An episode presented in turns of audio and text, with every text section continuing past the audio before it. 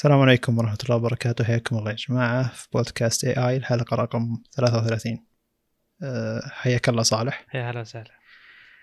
طيب أه أول خبر أن الآيفون 2020 في تسريبات من أكثر من شخص آه، موثوقين هذول الأشخاص في الناحية أنهم يسربون واتفقوا على الخبر هذا أن شاحن أن كرتون الآيفون الجاي بيكون من دون شاحن أو مقبض شاحن مو من دون سلك. فسابقا أبل كان عندها شاحن 5 واط وهذا موجود في أغلب كراتين أجهزة آيفون. كان عندها خيار 18 واط لازم تروح تشتري له سلك ولازم تشتري نفس الخيار هذا نفسه. فالحين بدل ما إنهم يحطون الشاحن السريع حقهم الجديد اللي بيكون 20 واط أعتقد أو 18 واط ما هي مشكلة. قالوا نشيل الشاحن القديم وما نعطيك شاحن نهائيا مقبض شاحن نعطيك السلك الحالة. على اعتبار إن أغلب مستخدمين آيفون عندهم الشاحن 5 واط ولا نبي آه، يكون عندنا استهلاك عالي لموارد الأرض مثلا آه، فنصنع الخمسة واط هذا بالزيادة. اللي يبي شاحن يشتريه والأصل أن مستخدم الآيفون عنده شاحن قبل اللي هو خمسة واط. ف يعني شخصيا المفروض أن الشركة بدل يعني خلينا نقيسها على شو سامسونج مع النوت 10 ال Note 10 كان فيه آه، شاحن 40 واط الظاهر أو المهم أنه أكثر من ال 20 واط الموجود في الكرتون تقدر تروح تشتريه. وفي شاحن 20 واط موجود في الكرتون. والشاحن اللي قبله حق ال S 10 كان أقل من 20 واط وكان موجود أيضا في الكرتون. فيوم تطور الشاحن حطوه في الكرتون وحطوا شاحن أسرع برا الكرتون إذا تبي. فالخيار يا سريع يا أسرع مو يا بطيء يا سريع. و...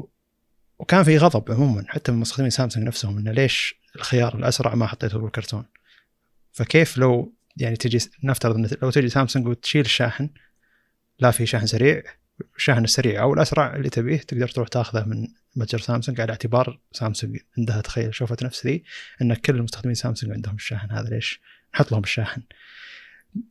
من وجهة نظري مع اختلاف الشواحن السريعة الموجودة في السوق لازم الشركة تحط شاحن سريع حقها في الكرتون. آه، هذا من وجهة نظري الشخصيه إنه آه، كل شركة قاعد تطلع شاحن سريع خاص فيها مع إنهم الحين بدأوا شوي يتفقون على ال Power Delivery اللي هو من اليو إس بي سي إلى اليو إس بي سي أو من ال USB-C لل Lightning حق أبل.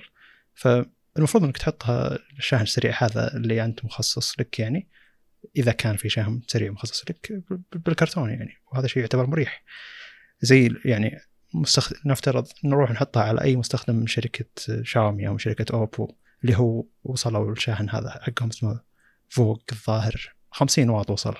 فلنفترض انه يقول لك ترى الجهاز يدعم شاحن سريع 50 واط ثم يحط لك شاحن بالكرتون ولا يحط لك شاحن آه، بطيء وإذا تبي شاحن سريع حطه روح اشتره فالفكرة ذي تخلي الناس يغضبون. فكيف بفكرة إنه ما في شاحن بالكرتون؟ إذا تبي شاحن روح اشترى سواء البطيء أو السريع. ف آه، شخصيا أشوف فكرة التوفير هذه ما يعني زي المخرج لهم إنه إحنا بنوفر اذا اذا إذا نقصوا السعر ممكن أعذرهم أكثر. إنه قد سووها ونقصوا السعر من الآيفون XR إلى الآيفون أو 10 R إلى الآيفون 11 لكن لو ما نقصوا السعر أو ما أضافوا قيمة أكبر للجهاز نفسه يعني أقصد المسافة هذه من السعر حطوها بشيء أفضل آه، ما يعذرون من هالناحية. لكن إذا لو استغلوا الشيء هذا ما هي مشكلة استغلوا السعر. بس هو يعتبر مهرب إن إحنا نستهلك 300 مليون شاحن في السنة أو نصنع 300 مليون شاحن بطيء في السنة فما نبي نستهلك هذا العدد. و تحط يعني تحط الشاحن البطيء هذا في المتجر والشاحن السريع موجود أيضا عندهم في المتجر حق أبل. أعتقد إنه يعني كتفكير شركة تفكير صحيح ومهرب جيد آه، وتوفير ممتاز لكن بيثير غضب الناس وطبيعة محبي الشركة هي اللي بتخلي الشيء هذا عادي. جميل آه، بالنسبة لي آه، طبعا للأسف إحنا ناقشنا الموضوع قبل البودكاست وناقشناه أكثر من مرة فيعني آه، متفقين تقريبا في أغلب م. الأشياء فيعني كلام ما يختلف عن كلامك كثير بس إنه يعني ودي يعني أوضح بعض النقاط اللي هو إن أنا متفق مع هذا الشيء بس بنفس الوقت مختلف مع الشركة من ناحية إنه أول شيء نقطة الاتفاق بشكل كامل.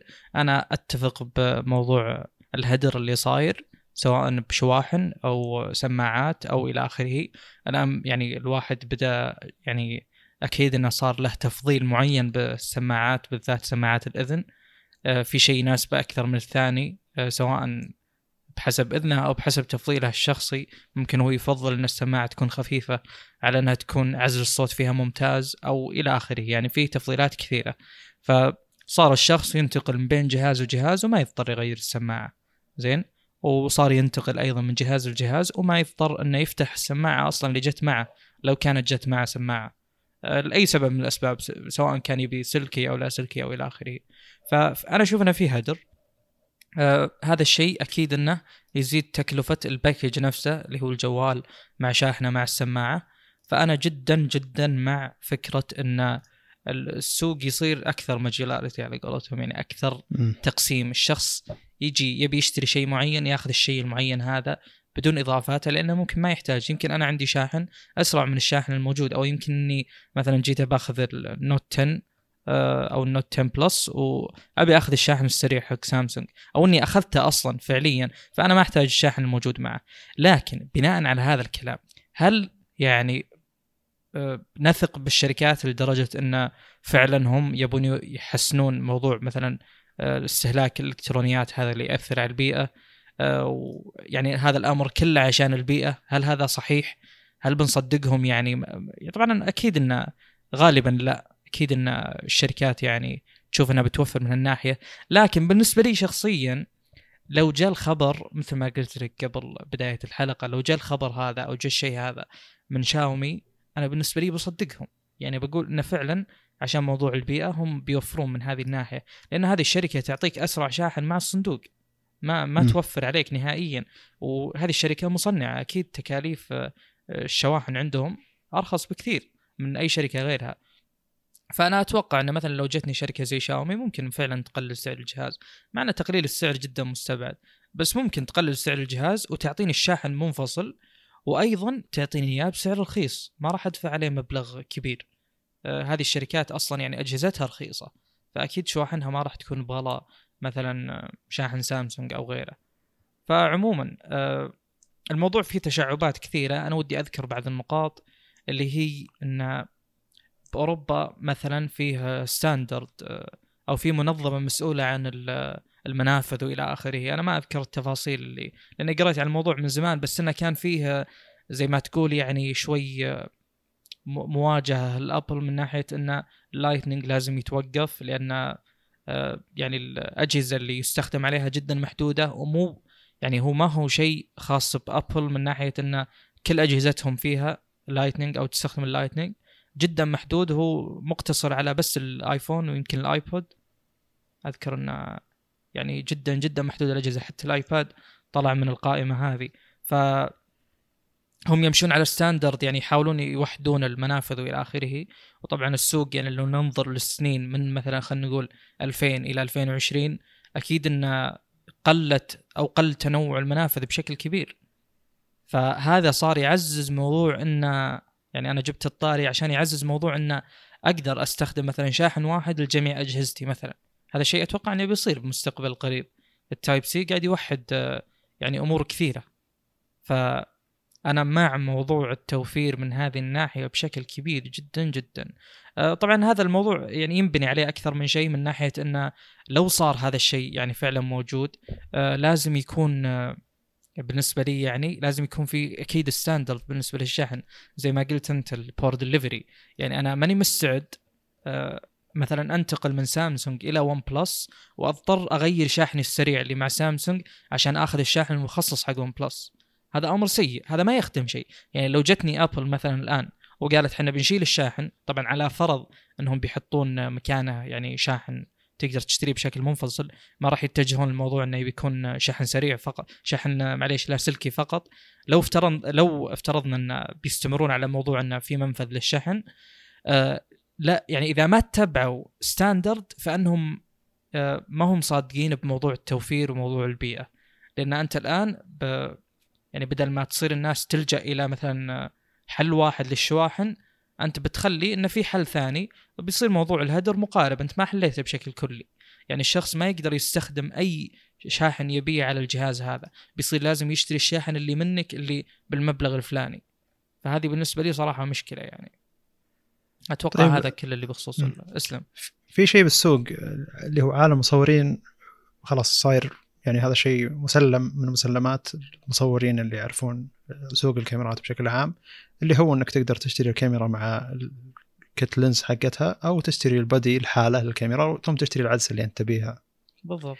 في ناس واجد قالوا إنه يعني هذا الشيء ممتاز. ليش؟ لأن ال kit lens سيئة اللي يبيها يقدر ياخذها هي رخيصة واللي ما يبيها لا ياخذها علشان ما آه، نستهلك موارد زيادة. تكلفة. ف اي تكلفة زيادة بالتص... يعني أقصد موارد زيادة في التصنيع وغيرها الفكرة هذه جيدة؟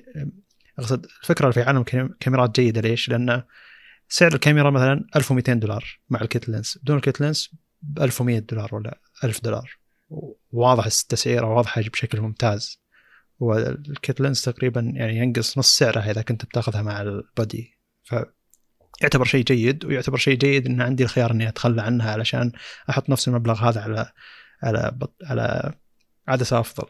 وشيء فنفس يخدمني بشكل أكبر prime إي بس إي بس ما يزال عندك الخيار وما تزال التسعيرة واضحة. فابل مثلا لو سوت إن السعر 99 999 دولار مثلا آه، مع الشاحن. بدون الشاحن بناخذ منك 979 دولار. كذا فهمت اللي؟ أنت تخلى عن الشاحن عشان نعطيك فلوس زيادة. بالفلوس ذي تقدر تضيف عليها مثلا 10 5 دولار عشان تاخذ شحن أسرع. جميل. لكن الكرتون نفسه يجيك بدون شاحن. ف لو يحطون الخيار هذا بشكل واضح انه شوف السعر شلون نقص إحنا فعلا أخذنا السعر هذا ونقصناه. مو آه، نفس السعر الماضي بس بدون كرتون بدون آه، الشاحن موجود في الكرتون. ف ابل سوتها مسبقا. أنا قلت إن سعر ال 10R وال 11 آه هذا دليل يعني ال 11 أرخص من ال 10R أول ما نزل. فيعتبر شيء جيد إنهم نقصوا سعر الجهاز هذا مع إنهم قدموا يعني معالج جديد كاميرا كاميرتين أقصد قدموا مزايا أكثر من ال 10R وصار الجهاز يعني اسمه 11 لكن بسعر أقل من ال 10R شيء جيد إنهم خفضوا السعر وعرفوا إن هذا الجهاز ما يستاهل ذاك ذاك المبلغ لأنه بغض النظر ما نعرف السبب بالتفصيل أتوقع بس إنه شيء غير على غير عادة أبل تماما يعني م. هذا اللي متفقين فيه. اي بس أقصد كان الانتقاد على إن الشاشه LCD والدقة ما هي بزينة وهذا أكبر انتقاد كان للجهاز. فزي اللي هم قدروا إن الناس قاعد تسب الشاشة بما إنهم جربوا شاشة التن وشون إذا كانت الشاشة ألوانها أفضل والدقة أعلى. شلون يوضح الفرق يعني فعلا. زوايا الرؤية تكون أحسن. آه، فصار عندهم معيار يقدرون يقارنون فيه آه، بينما أول كان ما عندهم معيار من ابل نفسهم يقارنون فيه. فأقصد إنه آه، زي اللي حرك ممكن حرك الشيء ذا بابل شيء إنها تخلي الجهاز سعره أرخص. الحين لو صار هذا الشيء فعلا بحترم إنهم شالوا الشاحن من الكرتون إذا كنت تبيه تأخذه والسعر بيكون أرخص من لو إنك أخذت الجهاز سابقا مع الكرتون أو الشاحن مع الكرتون يعني. كانوا صادقين يعني تقصد. يعني فعلا السبب اللي ذكروه اللي هو التوفير والتخفيض أو ضرر يعني على البيئة فعلا هو أهم مقاصدهم يعني. طيب الشيء الثاني آه احتمالية إن ابل ب 2021 تشيل منفذ الشحن نهائيا وتحط وتعتمد على الشحن اللاسلكي مباشرة بالنسبة لي أكبر من احتمالية إنها تحط USB Type-C على الجهاز خاصه الآيفون يعني. وفي تسريبات تقول إن 2021 الجهاز بيجي بدون بدون منفذ شاحن فما أدري. شوف أنا صراحة يعني على العموم لو ما ناخذ الموضوع لو ما ندخل ابل بالسياق هذا على العموم أنا أستبعد ذا الشيء كليا أشوف إنه نوعا ما بدري عليه. ومو الكل يعتمد على شواحن لاسلكيه وأمور كثيرة طبعا. بس إن أبل معروفة بجرأتها بهذه الأمور أتوقع م. يعني زالت منفذ السماعة ال jack 3.5 ويعني من هذه الأمور عندهم جرأة إنهم مثلا زي بعد إزالة زر ال home. يعني زي كذا الأشياء اللي زي كذا. ولا إنهم ما كانوا بدايه بس هم عندهم استعداد تام إنهم يشيلون شيء زي كذا ويعودونك على شيء جديد. زي انتقال المستخدمين يعني من السماعة السلكية إلى ال AirPods بشكل أساسي عشان يقدرون يشحنون يستخدمون إلى آخره. فيعني ممكن يكون متوقع منهم. طيب, طيب إذا خلصنا عندي نقطة بس واحدة.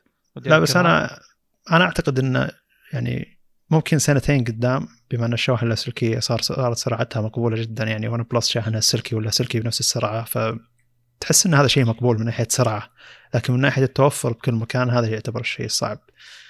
أحس لو تجي شركة من أندرويد كذا تشيل يعني تشيل المنفذ وتحط لك شاحن لاسلكي بالكرتون تكسر القاعدة يعني إنها تكون آه، تسترخص بالشيء ذا وتقول لا أنت بدون منفذ لكن عندك شحن لاسلكي بالكرتون. فزي اللي تحفزك تحط أكثر من شحن لاسلكي بأكثر من مكان عشان خلاص تعتمد تعتمد عليه بشكل تام.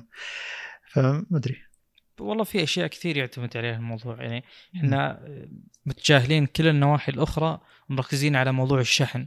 طيب في أشياء أخرى غير الشحن هذا اولا ثانيا لو كان الموضوع شحن لاسلكي ترى ما تقدر تستخدم الجهاز وأنت تشحن صحيح هذا شيء يعني نفس صعب نفس فكرة اللي ما تقدر تشحن تسمع بالسماعة أول ما شال مم. منفذ 3.5 يعني ما تقدر تسوي شيء إذا جهازك إيه. ما في بطارية تقريبا اي بس هذه جد ما لها حل يعني ما تقدر ترفع جهازك عن الشاحن اللاسلكي. وموضوع بعد مثلا ال Wi-Fi Direct للي يستخدمه موضوع لو تبي نقل بيانات سريع موضوع لو آه، خبر هواوي عندهم فكرة إنك تشبك Type-C to Type-C مثلا وتعرض آه، محتويات جهازك. ما أدري شو اسم. التقنية هذه عندهم. زي آه، زي سامسونج ال DeX. DeX اي مو مشكلة زي ال DeX بس أقصد إنها تعتمد على ال Type-C يعني بس. فهذه أشوف إنها مشكلة كبيرة صراحة. أتكلم الآن حديثي عن توجه الشركات للتخلي عن المنفذ. مم. أنا أشوف إن ال Type-C جاي يحل المشكلة. شيله ال Type-C بتسوي مشاكل يعني فما أدري. اي صحيح أنت تحس إن هذا شيء أساسي أكثر من 3.5 يعني 3.5 يعني منفذ شوي اقدم وأيضا ال Type-C مع انه يستحق شخصيا ما زلت. أدور 3.5 يعني. جميل. آه شو اسمه ال Type-C يعني تعرف اللي لازلنا ننتظر إنه يوصل لل potential حقه الأعلى أداء له لا زالت عنده ميزات أكثر. لا زال ممكن يوفر خدمات أكثر. فإحنا ما وصلنا لقمة اداءه عشان نتكلم عن آه، إزالته. آه، في صحيح. نقطة أخيرة إذا ما ودك تعلق آه، إذا أقصد انه هو شيء يلحق شيء لكن السلكي قاعد يتقدم بشكل أيضا سريع. إحنا قاعد نقول الشحن اللاسلكي وصل 30 واط مثلا أو حولها بينما شاومي قاعد تختبر 120 واط على الشحن السلكي. ف أقصد يعني زي اللي صاير في المسافة اللي بينهم ما زالت موجودة مم. مم. طيب آه، آخر شيء آه، موضوع إزالة الشاحن من الصندوق أيضا آه، بتخلي السوق أكثر تنافسي من ناحية الشركات اللي تصنع شواحن ممكن الموضوع يكون مكلف كشراء شاحن بس إنه ما راح يكون تكراره مثل موضوع تكرار ال- اللي هو إنك يعني مع كل جوال يتغير شاحنك. زين فأنت يمكن تشتري شاحن لسنتين. وعموما النقاط واضحة اللي هي الاهم شيء إنه يكون ماشي على standard سواء Power Delivery ولا غيره. يعني يكون وفق معايير تشتغل على الكل مو أشتري شيء خاص مثلا بأبل ولا إذا إيه، ما استخدمته على ابل يصير 5 واط. وفي نقطة ثانية إحنا قلناها قبل البودكاست بس ما قلناها الحين انه لو إنها فعلا ابل مهتمة بالبيئة كان صنعت سلك أجود من السلك اللي يتقطع كل صحيح. ويروحون الناس يشترون سلك جديد. صحيح. هذا الجانب يعني روح اهتم بالبيئة هناك سوي لك سلك محترم ما يتقطع. والسلك أشوف إنه دي. خطورة أصلا. مم. في خطورة كبيرة جدا. يعني آه، أنا كنت أستخدم آيباد آه، للجامعة سابقا. آه، الآيباد صار مع أختي الصغيرة. فقبل فترة انفجر ال- الفيش نفسه مع يعني السلك ما صار يشتغل والفيش انفجر وكان يعني أثره كبير جدا. فيعني مع الوقت أدرك أكثر أن في سوء بجودة التصنيع وفي إهمال بشكل كبير جدا رغم انه يعني هذا السلك يعني بلا مبالغة السابع أو الثامن. بلا مبالغة. أنا ما قد غيرت أي سلك Type-C في أو حتى Micro Type-B نهائيا ما قد غيرت أبد. قد شفت Micro Type-B ينقطع بس Type-C ينقطع ما قد شفت. فيعني للأسف في في سوء كبير بالتصنيع يعني. يعني تخيل انه وصل الموضوع إلى إنك تشتري شيء aftermarket أحسن من إنك تاخذ حق ابل اللي يجي مع الجهاز أصلا اللي ما في شك إنه أصلي مثلا ومن ابل يعني. الظاهر إن ابل تعطيهم الرخصة حق تصنيع ال Lightning بفلوس بعد فهي مطلعة فلوس من هنا ولا من هنا. مم. وحتى لو تلاحظ ال pins حقت ال Lightning أنا أتوقع هذا الشيء اللي عاق مع ال Lightning بأوروبا بالذات. ال- أتوقع طبعا مجرد توقع مو مبني على أشياء يعني حقيقية. السلك حق ال Lightning ترى ال pins حقته على برا. ملاحظ. هالشيء. ال Type-C يعني أنت ما يهمك ترى المعدن الخارجي لل Type-C. نهائيا ما يهم يهم ال pins اللي داخل اللي هي النحاس اللي تشوفها داخل. هي فكأنه محمي يعني. بالضبط. لو تشبك لو تدقق يعني وتكون بمكان مظلم وتشبك ال- ال Lightning بتلاحظ إن في شرار يطلع. ومرة من مرات طبعا هو يطلع يمكن لو كان بسيط يمكن ما له أي تأثير بس أنا مرة من مرات جيت أبشبك على الآيباد وطلع بشكل كبير يعني. فأنا أحس إنه يعني للمستخدم العادي بيكون مخيف ولا هو يعني صديق للمستخدم العادي بالذات. يعني الموضوع هذا ما يطمن لو تشوفه أنت. ف يعني اللايتنينج كله على بعضه بالنسبة لي سيء. إحنا جرنا الموضوع يعني هذا الأساسي اللي هو عدم توفر الشاحن بالصندوق إلى مواضيع أخرى. وللأسف يعني الواحد أحيانا يشخصنها إيه بس أقصد الجيد إنك أغلب المواضيع موضوعية فعلية يعني امور تقدر تحسنها الشركة. ما هي بس انتقادات كذا لأجل الانتقادات. الموضوع اللي بعده طيب. طيب اي أنا أنتظرك بس تقول خلصنا عشان أذكره. هذا الموضوع الجدلي بشكل كبير آه، بالذات عند الأجانب. يعني جدلي بشكل كبير جدا جدا جدا يا جماعة. وصل لنا هو. يعني آه، في ناس كثير تناقشه. آه، أنا ما أحاول أشوق يعني على الموضوع بس إنه عشان يعني أقول للمستمع يعني ليش أنا بالذات اخترت هذا الموضوع إني أقوله. وبحثت فيه كثير وقريت فيه كثير وللأسف يعني ما في معلومات حقيقية كمواصفات. آه، اللي هو موضوع ال SSD حق البلاي ستيشن 5 آه، بالنسبة لي يعني أنا قريت أنه بيكون سريع بيكون إلى آخره. آه، حاولت أعرف مواصفات. يعني أنا يوم أجي أشتري مثلا SSD طبيعي إني ببحث وبشوف مواصفاته وبناء على هذا بشتري. زين المواصفات اللي هي السرعة ال read ال write على أي معيار اختبرت هذه السرعة أو إلى آخره. يعني أشياء كثيرة ممكن أستفيد منها وهي اللي تحدد مثلا شراء ال SSD أو أي storage يعني أي hard drive ال SSD حق البلاي ستيشن 5 يعني مبهم جدا من ناحية مواصفات.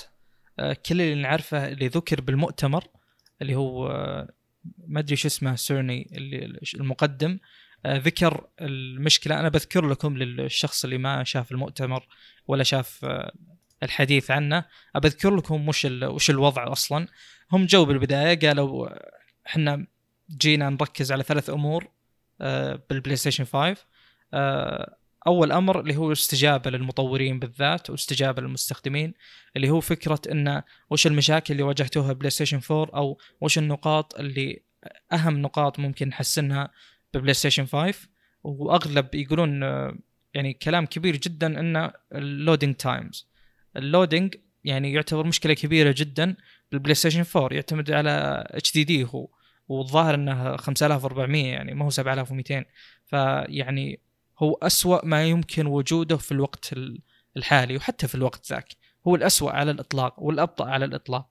فأتكلم ك hardware بس طبعا. أه فبناء على هذا قالوا حنا نبي نحسن الموضوع وحطوا مقارنات كثيرة. بالنسبة لي المقارنات هذه ما تهمني. أه السبب أن يعني لو تبي تقارن SSD ب HDD وش تحاول تثبت أنت يعني؟ يعني كلنا ندري إن ال SSD أحسن من جميع النواحي. فيعني أكيد إنك بتقول إنه أحسن وأنت الآن قاعد تقارن تقنية يعني تعتبر عقيمة جدا اللي هي ال HDD بتقنية هي المتطلب للوقت الحالي. فهي مثل ما قلت لي أنت بداية قبل بداية الحلقة إن الشركات طبيعي تقارن أدائها بأدائها السابق.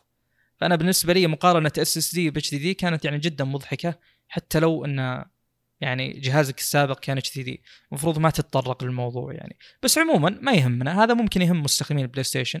آه أنا اللي أبي أوضحه بشكل عام بكلامي هذا إن يعني أنا اللي مزعلني موضوع إن الانتقال هذا كان المفروض يكون من زمان.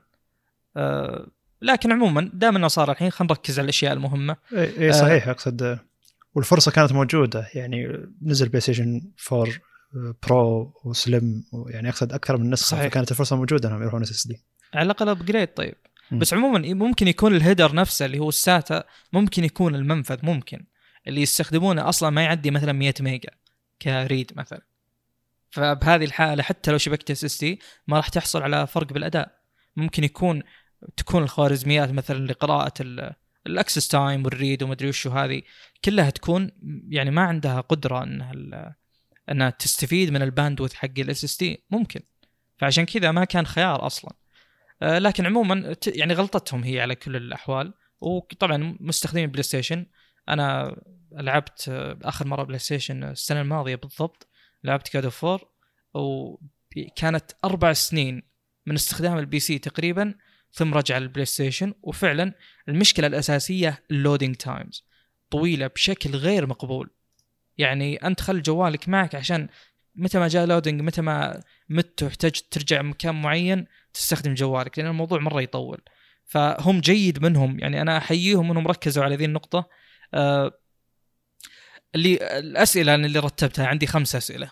أول شيء وش التقنية المستخدمة؟ اللي هي وش ال header مثلا؟ هل هو مثلا مستخدمين PCIe 4 طبعا ما في كلام رسمي يقول إنهم مستخدمين PCIe 4 أو لا بس بناء على إنهم المعالجة نفسها AMD فغالبا ممكن المنفذ يكون PCIe 4 لكنه مو بأكيد طبعا. ولو كان PCIe 4 بيكون أيضا آه، نفس يعني لو كانت هذه الميزة موجودة بال PlayStation فغالبا بتكون مدعومة بال Xbox لكن ال Xbox آه، تقريبا نص السرعة الموجودة. عموما آه، هم ما قالوا إنه يعني ما ذكروا مواصفات وأي شخص يهتم بالمواصفات يعني نوعا ما يحقد على الشركة اللي تقول له إنه والله أنا تقنيتي ممتازة وأنا تقنيتي سريعة بدون ما يعطيك مواصفات فعلية. زين؟ تحس إنه كلام تسويقي بحت وما يفيدك. هذا كلام العموم الناس. يعني أنت ودك تقول للشركة احترميني وعلميني الشيء اللي أنا أبيه. الشيء اللي أنا أدور عليه. عموما أنا تعبت وأنا أدور وما لقيت شيء أسلم. إيه على الأقل بالموقع الرسمي يعني مو شرط بالمؤتمر إذا تتكلم عنه يعني. صحيح. دورت دورت يعني الموضوع جدا كان متعب. اللي صار بالمؤتمر مجرد أن نبي نذكر آه، بالضبط المشكلة اللي هي مثلا آه، ذكروا أن ال HDD عبارة عن طبعا آه، كأنه disk. هو disk أصلا hard disk drive. ال disk اللي هو أسطواني. شكله هو أسطواني ولا؟ عموما شكله سيدي يعني زي السيدي ف يعني له مسارات له tracks اللي هو يعني كأنها دوائر. يعني أنت الآن مثلا عندك السي دي أفرض إنك تقسمه العشر دوائر مثلا خلينا نقول كمثال. أتمنى إن الصورة وضحت صعب شرحها بالكلام. عموما كل مسار يعني في قارئ عندي كل مسار آه له سرعة ترى. يعني لو كانت بال outer لو كان آه لو كانت بيانات اللعبة مثلا مخزنة بال outer اللي هو أبعد شيء اللي هو آخر track إلى برا السيدي نفسه أو ال disk بيكون أسرع. ليش؟ لأن الدوران بيكون أسرع يعني. أسرع من أقرب شيء. وآخر track يعني بياناته يتحمل بيانات أكثر. فعموما المشكلة اللي كانت موجودة مثلا يقولون PlayStation 4 اللي هو إن ال hard disk drive يعني بالذات إذا كانت بياناتها مو مخزنة بشكل يعني مو مخزنة ورا بعض. مخزنة بشكل dynamic يعني مقسمة. هنا تلقى مثلا 20 ميجا من اللعبة هنا تلقى 40 هنا تلقى 50 زين؟ قل لي إذا وضحت عشان أقدر أكمل أو لا. إي واضح واضح. جميل. فكانوا يقولون إن المشكلة مو بس إنك تلقى يعني المشكلة بال HDD ما هي سرعة إن ال HDD بطيء. المشكلة إذا توزعت البيانات على ال disk بشكل عام آه، صعب إنك تجمعها وتاخذ وقت طويل جدا. فقالوا إحنا بنحاول أو حاولنا نحل هذه المشكلة وعشان كذا قدمنا ال SSD ال SSD طبعا أكيد إن ال SSD في نفس المشكلة هذه بتصير اللي هو ال addresses بتختلف. يعني بتلقى مثلا نفس الكلام 20 mega مخزنة هنا 40 mega مخزنة هنا بس الوصول للقطع هذه حقت اللعبة بيكون أسرع بشكل كبير. يعني تقريبا ترى زمن الاستجابة على ال PCIe 4 أنا كنت أشتغل على المقطع حقي. آه، زمن الاستجابة مثلا PCIe 4 كان عندي 0.020 0.02 millisecond. ترى سريع جدا جدا جدا سريع. يعني أصلا هم حطوا بالمؤتمر إنه instant يعني جميل. على طول لحظي. آه، يعني أصلا ما يعتبر إنه ما يعتبر إنه في delay أصلا. آه، فالوصول للبيانات بال SSD سريع جدا. فتخلصنا من مشكلة إن توزع البيانات على ال hard disk يعني الحين صارت ما ما هي ما تشكل مشكلة نهائيا. وطبعا هذا الكلام عام جدا وينطبق على كل SSD وكل HDD يعني إحنا ما سوينا شيء الآن. آه، تكلموا بعدها على أشياء تخص ال PlayStation من ناحية انه الآن الألعاب بتكون مبنية على إنها تستفيد من هذا الموضوع. يعني مثلا آه، المطورين سابقا كانوا يقولون إن إحنا نواجه مشاكل إن يعني لدرجة إن ال implementation حق اللعبة أتكلم من ناحية مراحل مثلا لو كانت اللعبة خطية أو عالم مفتوح أو إلى آخره آه، كانوا ترى يسوون حركات معينة عشان آه، يعني ما يصير في loading times يعني مثلا يوم تروح عند لو تكون أنت بعمارة مثلا داخل اللعبة لو تكون ببرج وتشوف مثلا السيارات من تحت السيارات هذه الأصل المفروض أنها ما تكون حقيقية عشان الوصول لها بياخذ وقت. فهم يحطون مثلا شيء بديل هذا. أو مثلا لو كانت عندي مرحلة مثلا مفتوحة لو كان عندي map مفتوح آه، بدل ما يعني أمشي من مكاني إلى 20 متر قدام بدل ما أشوف هذا الشيء من أول ما تحمل المرحلة صاروا يحطون لك مثلا آه، خلينا نقول نفق أو جسر أو إلى آخره عشان وانت داخل النفق أو الجسر يتحمل اللي بعد ال- النفق فهمت؟ جميل. فكانوا على قولتهم يدورون workarounds عشان يحلون موضوع ال loading times لأن ما أقدر أحمل كل شيء بنفس الوقت بناء على محدوديات كثيرة جدا. هذا الشيء يخص ال PlayStation يعني ما أتوقع ان بنسهب بالكلام عنه بس كانوا يقولون ليش إحنا يعني آه، ركزنا على هذا الشيء وحاولنا نحله. آه، عموما دامنا الآن ذكرنا أن ما في مواصفات ولا ندري عن شيء.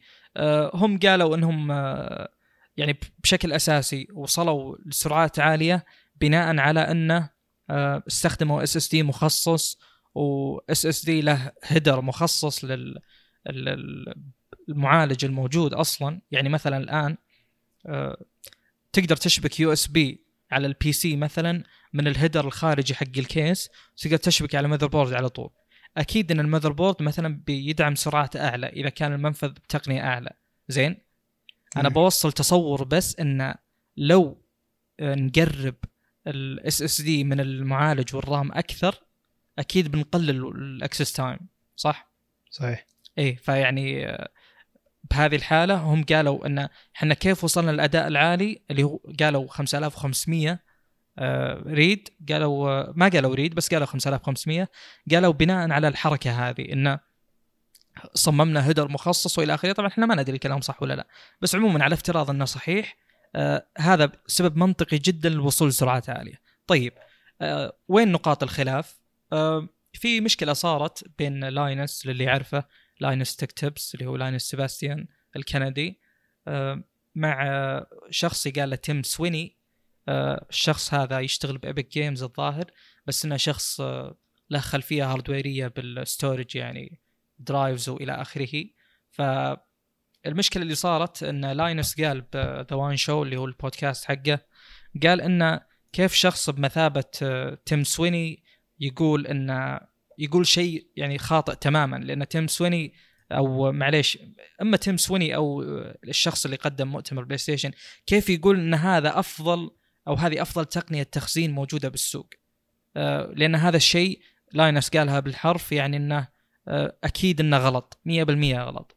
آه، اللي قاله Tim Sweeney إنه best in class أو شيء زي كذا. وهذا شيء إحنا متعودين عليه بالسوق إنه دائما نقول وفرنا أفضل شيء بناء على إيش؟ ما ندري بس وفرنا أفضل شيء. ممكن يقصدون ال console أكيد إنه بيكون أفضل شيء طبعا بناء على سوق ال console. عموما آه هذا اللي صار بينهم صار بينهم خلاف. بعد كذا Linus آه يعني اعتذر وقال لل Tim Sweeney إذا ممكن توضح لنا التقنيات المستخدمة؟ رد عليه تيم سويني قال له كل شيء واضح بالمقطع ما في شيء احتاج أوضحه زيادة. وطبعا الرد هذا ما عجبني ابدا آه، لأنه ما فاد شيء ولا أشوف إنه احترافي أبد كأن الشخص هذا شخصنها مع Linus. آه، يعني إذا ما تبي تقول المواصفات عادي قل إنه to be determined ولا أي شيء من هذا القبيل بس إنك مو تقول إن كلها مذكورة بالمؤتمر لأن المؤتمر يعني يوضح لي الأداء بس ما يوضح لي أي تقنية مستخدمة. زين؟ أو إنك تقول إنها براءة اختراع أو أي شيء من هذا القبيل بس لا تقول لي إن كل شيء واضح بالمقطع والمقطع كان موجه للناس العادية بالذات يعني. آه، أو الناس الفاهمين بس إنهم ما هم مطورين أو إلى آخره. آه، عموما آه، بعد هذا الشيء خلينا نتجاوز هذه النقطة. اللي سوته سوني أو اللي قالته بالمؤتمر إن إحنا وصلنا لهذا الشيء آه، بناء على نقطتين آه، للي ما يعرف آه، البيانات ممكن تخزن على إنها خام. يعني أنت عندك trade-off شيء تلعب عليه. إما إنك تصغر حجم البيانات المخزنة على ال drive حقك يعني مثلا أضغطها من 100 ميجا إلى 20 ميجا هنا بكون وفرت مساحة صح؟ بس يوم أجي أبي أوصل للبيانات هذه بيصير في شغل على المعالج اللي هو شو؟ يسوي decompression يفك الضغط عنها. زين؟ جميل. فأنت تلعب على نقطتين يعني أنت الآن أول شيء تحتاج تكتشف وين ال bottleneck فيه بالضبط وش الشيء اللي يعني مخلي الأداء يتأخر؟ هل المعالج ضعيف و... وال drive عندك عالي؟ مساحته أتكلم جدا كبيرة. إذا صارت المشكلة كذا فأنت تحتاج تقلل ال compression الضغط أحتاج إني أقلله عشان المعالج ما يأخرني بالوصول للبيانات لأن عندي مساحة كبيرة. أو إن تكون المساحة عندك ضيقة جدا بالمقابل إنها سريعة زي ال SSD مثلا فهنا والمعالج مثلا تقوي بحيث إنك تقدر تضغط البيانات بشكل أكبر على ال SSD سوني قالوا إحنا وصلنا إلى نقطة ممتازة جدا آه، من ناحية الموازنة بين الشيئين. سوني الآن آه، يعني تقريبا ال hardware حقها مخصص ال operating system حقها مخصص. فأنا بناء على هذا الكلام أقدر يعني أقول آه، إن فعلا سوني وصلت إلى سرعات عالية جدا. وفعلا آه، تقدر تخدم ال user آه، بالشيء اللي يبيه اللي هو سرعة عالية. بغض النظر عن البيئة اللي مثلا الحين ب Windows إذا جيت تبي تختبر سرعة SSD عندك برامج تستخدم منها. طيب يعني لو تبي تنسخ أيضا شيء بيكون Windows هو المسؤول عن النسخ واللصق مثلا. زين؟ فعندك يعني يعني Windows له مسؤولية PCIe 4 له مسؤولية. يعني هذه الأشياء ما انبنت بحيث إنها تكون متناغمة للعمل. سوني لا هي اللي خصصت جميع الأشياء من hardware و software بحيث إنها توصل لأعلى أداء بالألعاب بالذات. فأنا مؤمن إنهم يقدرون يوصلون لسرعات عالية جدا. بس إن الشيء اللي مو مؤمن فيه إن التقنية اللي معليش ال hardware المستخدم أنا مو مؤمن إنه high-end من ناحية إنه ينافس مثلا ال Rocket 4.0 زين؟ وضحت الفكرة؟ يعني كأنك تقول إنك وصلت مثلا لكفاءة عالية خلينا نقول ب steel بينما كان يمديك تست... بينما تقدر تستخدم نحاس مثلا ال steel مقاومته مثلا أكثر. زين؟ فالفكرة الفكرة اللي احتاج أوصلها أنهم وصلوا لمقاومة أعلى معليش وصلوا لأداء أفضل بتقنية أرخص ك hardware. لأن الشيء هذا مخصص. أنا أبي كل شيء يكون متناغم. أتمنى كلامي يكون واضح لأن أحس إنه في تشتيت في الموضوع. عموما آه، اللي بوصل له الآن بعد هذا كله أنا أتوقع أنهم بيوصلون أداء عالي فعلا. الأداء ممكن يتفوق على أداء الألعاب ب Windows. ما عندي أي شك بهذا. آه، لكن وصلوا له عشان التناغم يعني لو نقارن آه، مثلا أنا الآن صورت المقطع حقي ومنتجته وخلصت يعني أشياء كثيرة منه آه، باقي لي شوي وصلت الموضوع اختبارات الأداء. طيب اختبارات يعني لو بختبر أداء الستورج اللي عندي آه، عندي أكثر من برنامج صح؟ أكثر من أداة أقدر أختبر فيها الأداء. طيب أنا جيت اختبرت بالبداية ما ودي أحرق على المقطع بس أنا جيت بالبداية اختبرت ال software المعروف مثلا باستخدام اللي هو CrystalDiskMark اختبرت فيه الأداء مثلا جاني 5000 read حلو؟ أجي بستخدم ال software اللي بعده اللي هو AS SSD أعطاني آه، تقريبا 4200 read كلهم read لاحظ إن الأداتين ذولا كلهم على نفس البيئة. اللي هو NTFS اللي هو Windows حلو؟ حلو. يعني Windows له file system وله متطلبات. البرامج اللي تختبر الأداء لها متطلبات.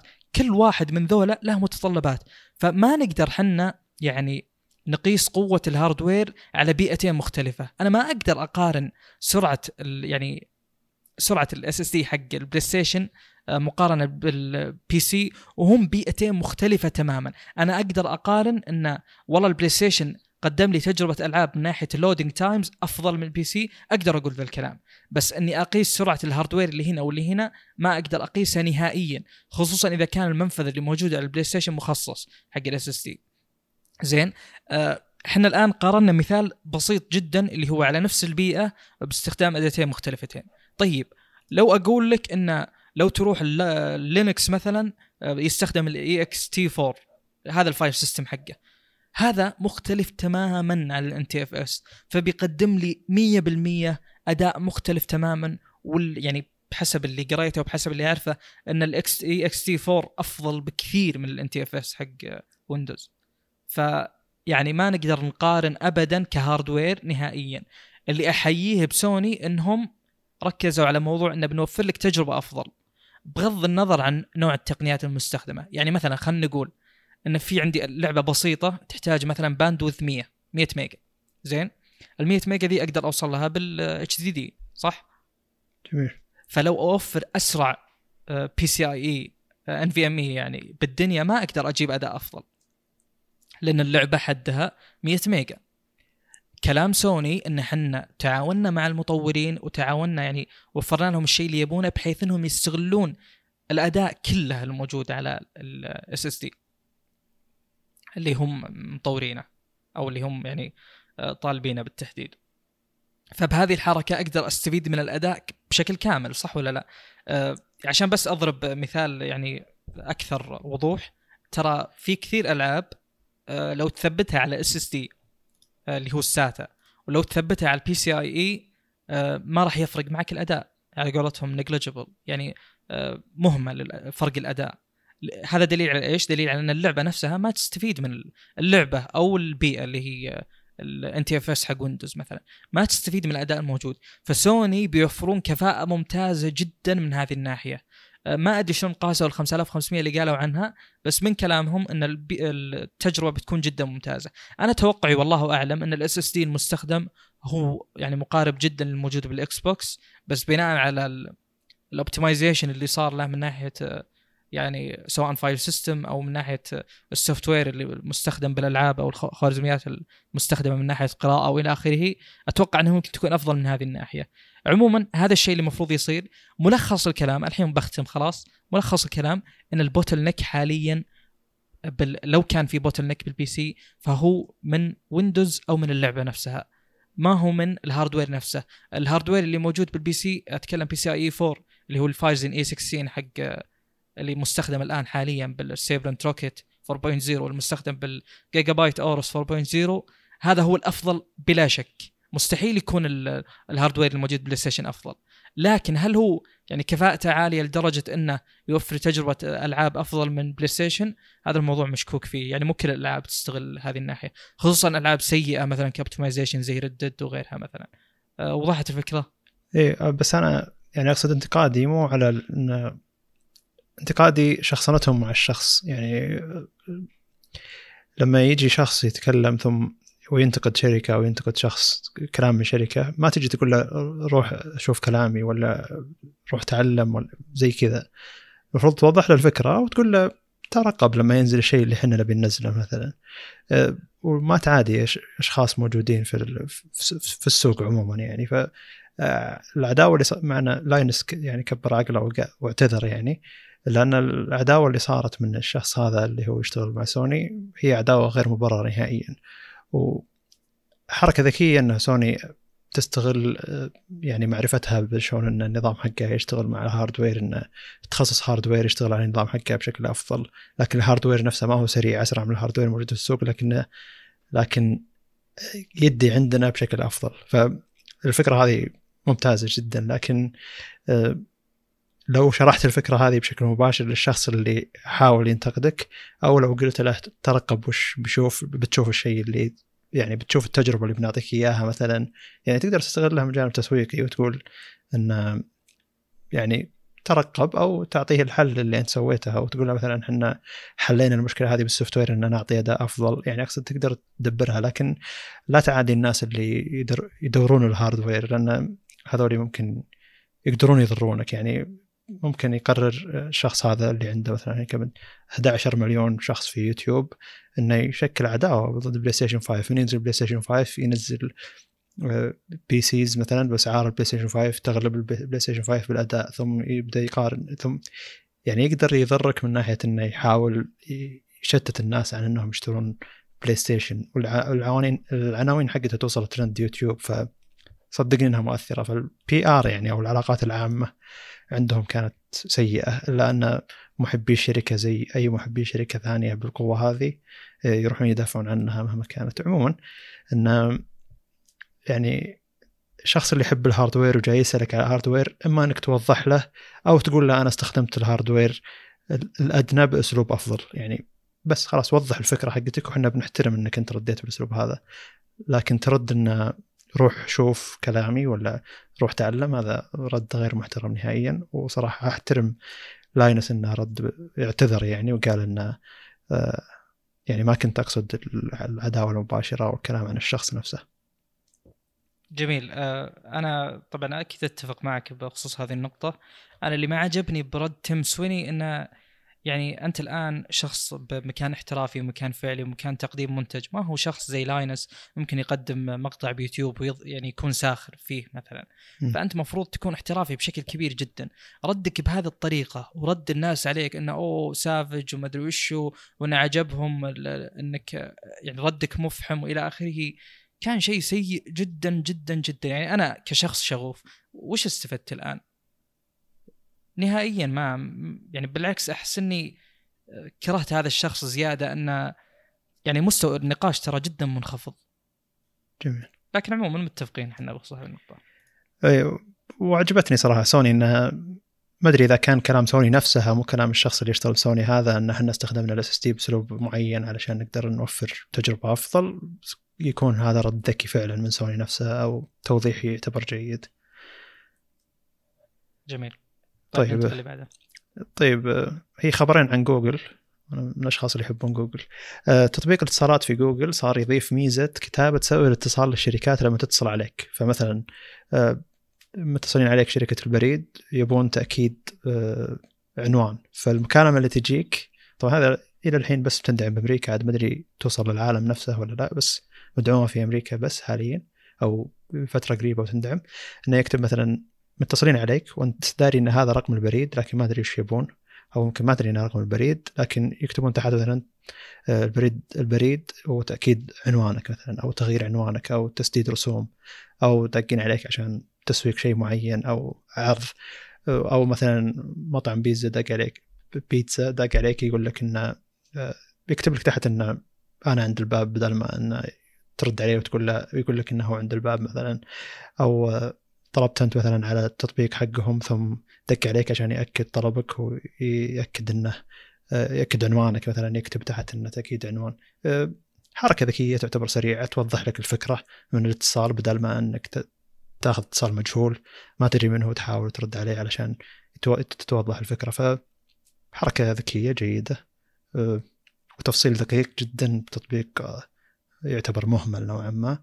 وجوجل دائما تحاول من جوانب الاتصال تخلي الشغل أسهل بالاتصال، الناس ما تحب الاتصالات الصوتية حاليا فعندهم الميزة اللي هو آه، مساعد جوجل صوتي يطلب عنك آه، أو يحجز عنك وخلاص يسجل حجزك بالتقويم حقك في الإيميل. فزي اللي قاعد يحاولون يسهلون فكرة التواصل آه، على الاتصال بدل ما إنه معروف إن الاتصال الصوتي يعتبر غثيث نوعا ما حاليا ومرات تهمله علشان توقعك إن هذا الدعاية أو إن هذا شيء ما تبي ترد عليه. يعني زي هنا يدقون علي موبايلي كل فتره وعندنا عرض خاص فيك أنت لحالك. ما أبي طيب.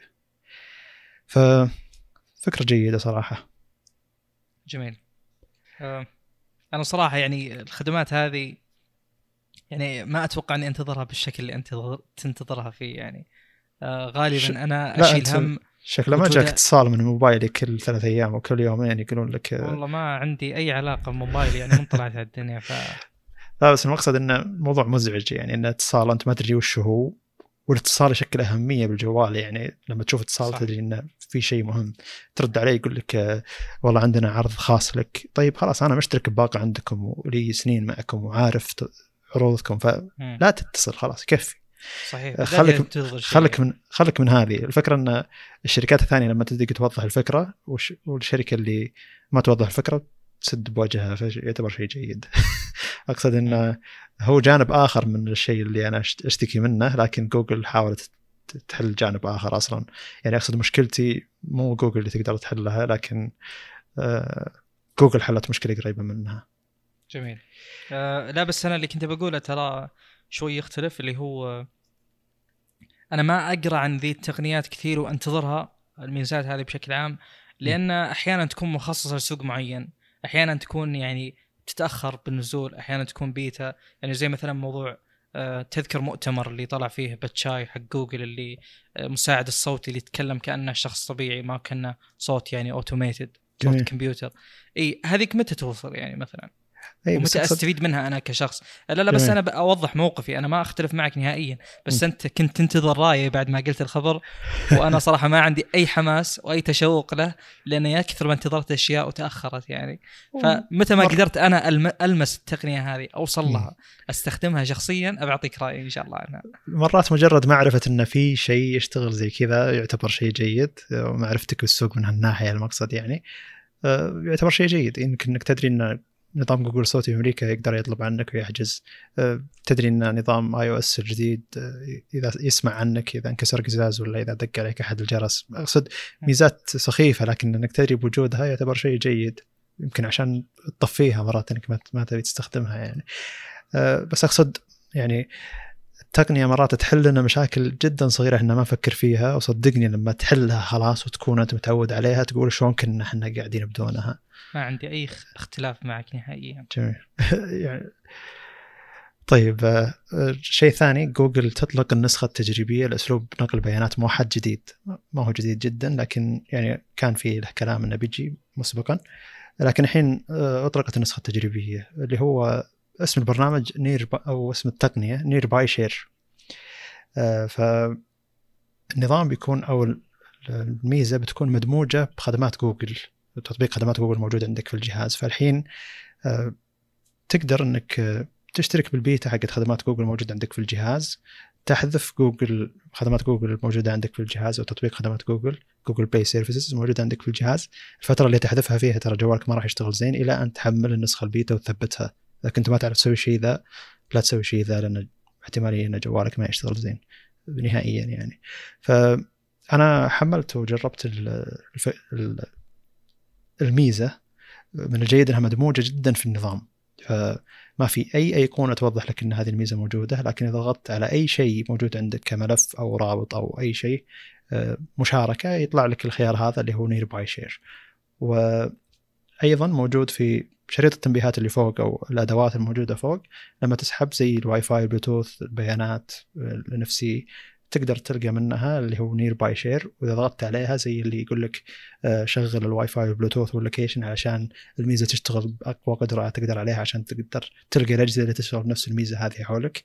وللأسف انه ما عندي أي جهاز ثاني اندرويد شغال على الميزة هذه حاليا حاولت آه، أثبتها على السامسونج Tab S5e لكن ما ثبت ما ثبت لأن ظاهر سامسونج رابطة شيء من ناحية الأمان إنك ما تقدر تلغي تثبيت خدمات جوجل ثم ترجعها بنسخة أجدد أو نسخة بيتا مثلا. فأنا ماني قادر أستخدمها لكن وضحت الفكرة إنها شلون تكون موجودة ووضحت الفكرة إنك لما تجي تشغلها تطلب منك إنك تشغل ثلاث أشياء.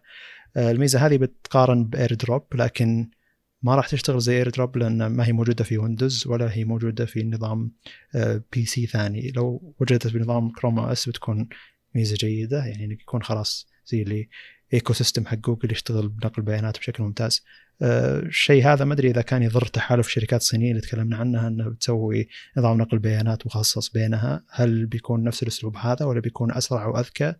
يعني ما أتوقع إنها أسرع وأذكى يعني آه، خاصة إن هذا الشيء مجرد آه، تحديث لخدمات جوجل ويشتغل على كل أجهزة أندرويد القديمة والجديدة ما يحتاج آه، يكون عندك جهاز جديد يدعم الشيء هذا زي ما احتمالية أن الشركات الصينية تسوي الشيء هذا أو تحالف الشركات الصينية ذيك تسوي الشيء هذا. فانا متحمس للشيء هذا وفعلا نبي يوصلنا فعلا. ف إن شاء الله إنه يشتغل بشكل ممتاز زي ما AirDrop يشتغل بشكل ممتاز. وحنا عندنا يعني زي اللي آه، مع إننا اعتمدنا على ال cloud بشكل كبير يعني إلا أن ميزة إنك تنقل ملفات بطريقة سريعة زي كذا تعتبر حلوة.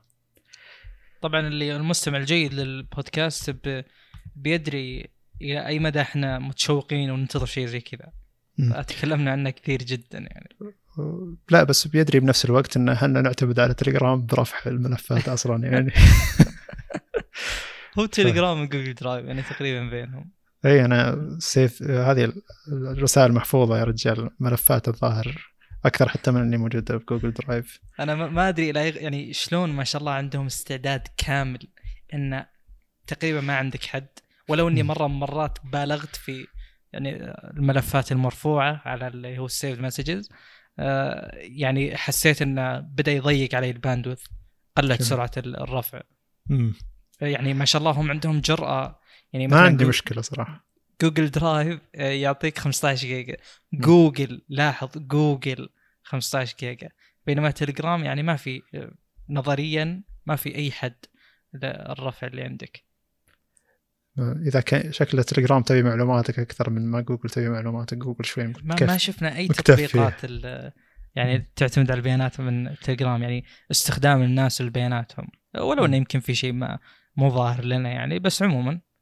يعني شيء غريب صراحة. يعني هذا بس يوضح لك قوة ال infrastructure الموجود عند تليجرام مقارنة بواتساب. يعني كيف أن واتساب عبارة عن نكتة أو أقل حتى من نكتة مقارنة بتليجرام من ناحية ال infrastructure. يعني أتوقع أنا اللي التصور اللي بيعطيه بس انه لو تدخل مثلا بال server farm حق تليجرام لو تشوف ال servers مثلا أو ال back end يعني بشكل عام اللي يعتمدون عليه سواء كان يعني بالتعاون مع مثلا زي AWS ولا غيره ولا هم عندهم لهم يعني ال infrastructure الخاص فيهم. بس إنك بتلقى شيء كبير وضخم زين؟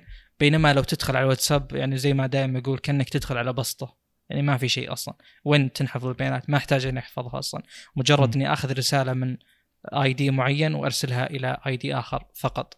أبي أتحمل موضوع الرفع وال والتحميل أكيد download وال upload أكيد أنا مسؤوليتي لأني باخذه من المستخدم وبحفظه عندي أو برفعه عندي ثم برسله لليوزر آه، لكن هذا الشيء يعني يعتبر لحظي فقط. بعدين ما راح تحتاج لأنك ما راح تخزن البيانات عموما. لا تليجرام بادي يتحول ما أدري يعني موقع تواصل اجتماعي أكثر من أنه موقع محادثات. يعني أنا الحين عندي يمكن ثلاث جروبات كبيرة حول ألف وشوية شخص. صحيح إني مصمتها لكنها تعتبر مفيدة. يعني صحيح. group للقهوة المختصة group لملاك ون بلس جروبات زي كذا الأشياء اللي جدا متخصص فيها ودي أتناقش فيها ولا ودي أسمع الناس وش يقولون موجودة. وغير القنوات الموجودة في قنوات كثيرة مفيدة ال bots ات أقصد مدري تحول الموضوع من ان جوجل تبي تطلق نظام نقل بيانات إلى آه، تليجرام شلون نقدر نستخدمه بكل شيء. اللي يعرفنا يعني يعرف هذه النقاط اللي دائما نناقشها. و يعني بشكل عام تليجرام يعني كشخص جرب يطور أتكلم عن نفسي تليجرام دائما يبهرني بكمية الميزات الموجودة اللي حتى مو ممكن أفكر فيها. م. يعني أنت دائما بشكل عام يعني المستخدم مثلا المهتم آه، يقول لو أن هذا التطبيق فيه الميزة الفلانية تليجرام في الميزة الفلانية وفي أشياء حتى أنت ما فكرت فيها. آه، من أبرز النقاط اللي موجودة بتليجرام قبل واتساب أنا ما أذكر إذا موجودة بواتساب ولا لا اللي هي إن إذا بحثت عن رسالة أو رحت المنشن معين زين آه ثم ضغطت الزر اللي ينزلك تحت ما ينزلك لآخر شيء ينزلك للمكان اللي جيت منه. يا الله على تجربة المستخدم الرهيبة جدا. يعني هكذا ما رحت الرسائل القديمة وقدرت إني أقراها بتسلسل. مو اضغط تحت ويروح كل مجهودي في إني أروح فوق. وميزات كثيرة جدا. فكرة القنوات. فكرة القنوات يا رجل. والله يعني شيء شيء رهيب جدا ترى. جدا رهيب. وكونسبت يختلف تماما عن موضوع اللي هو الجروبات. الجروبات تقدر تشوف المستخدمين. ولو إن أنت تقدر تخلي تسوي جروب تخلي ما حد يقدر يشارك فيه. مثلا. م. زين؟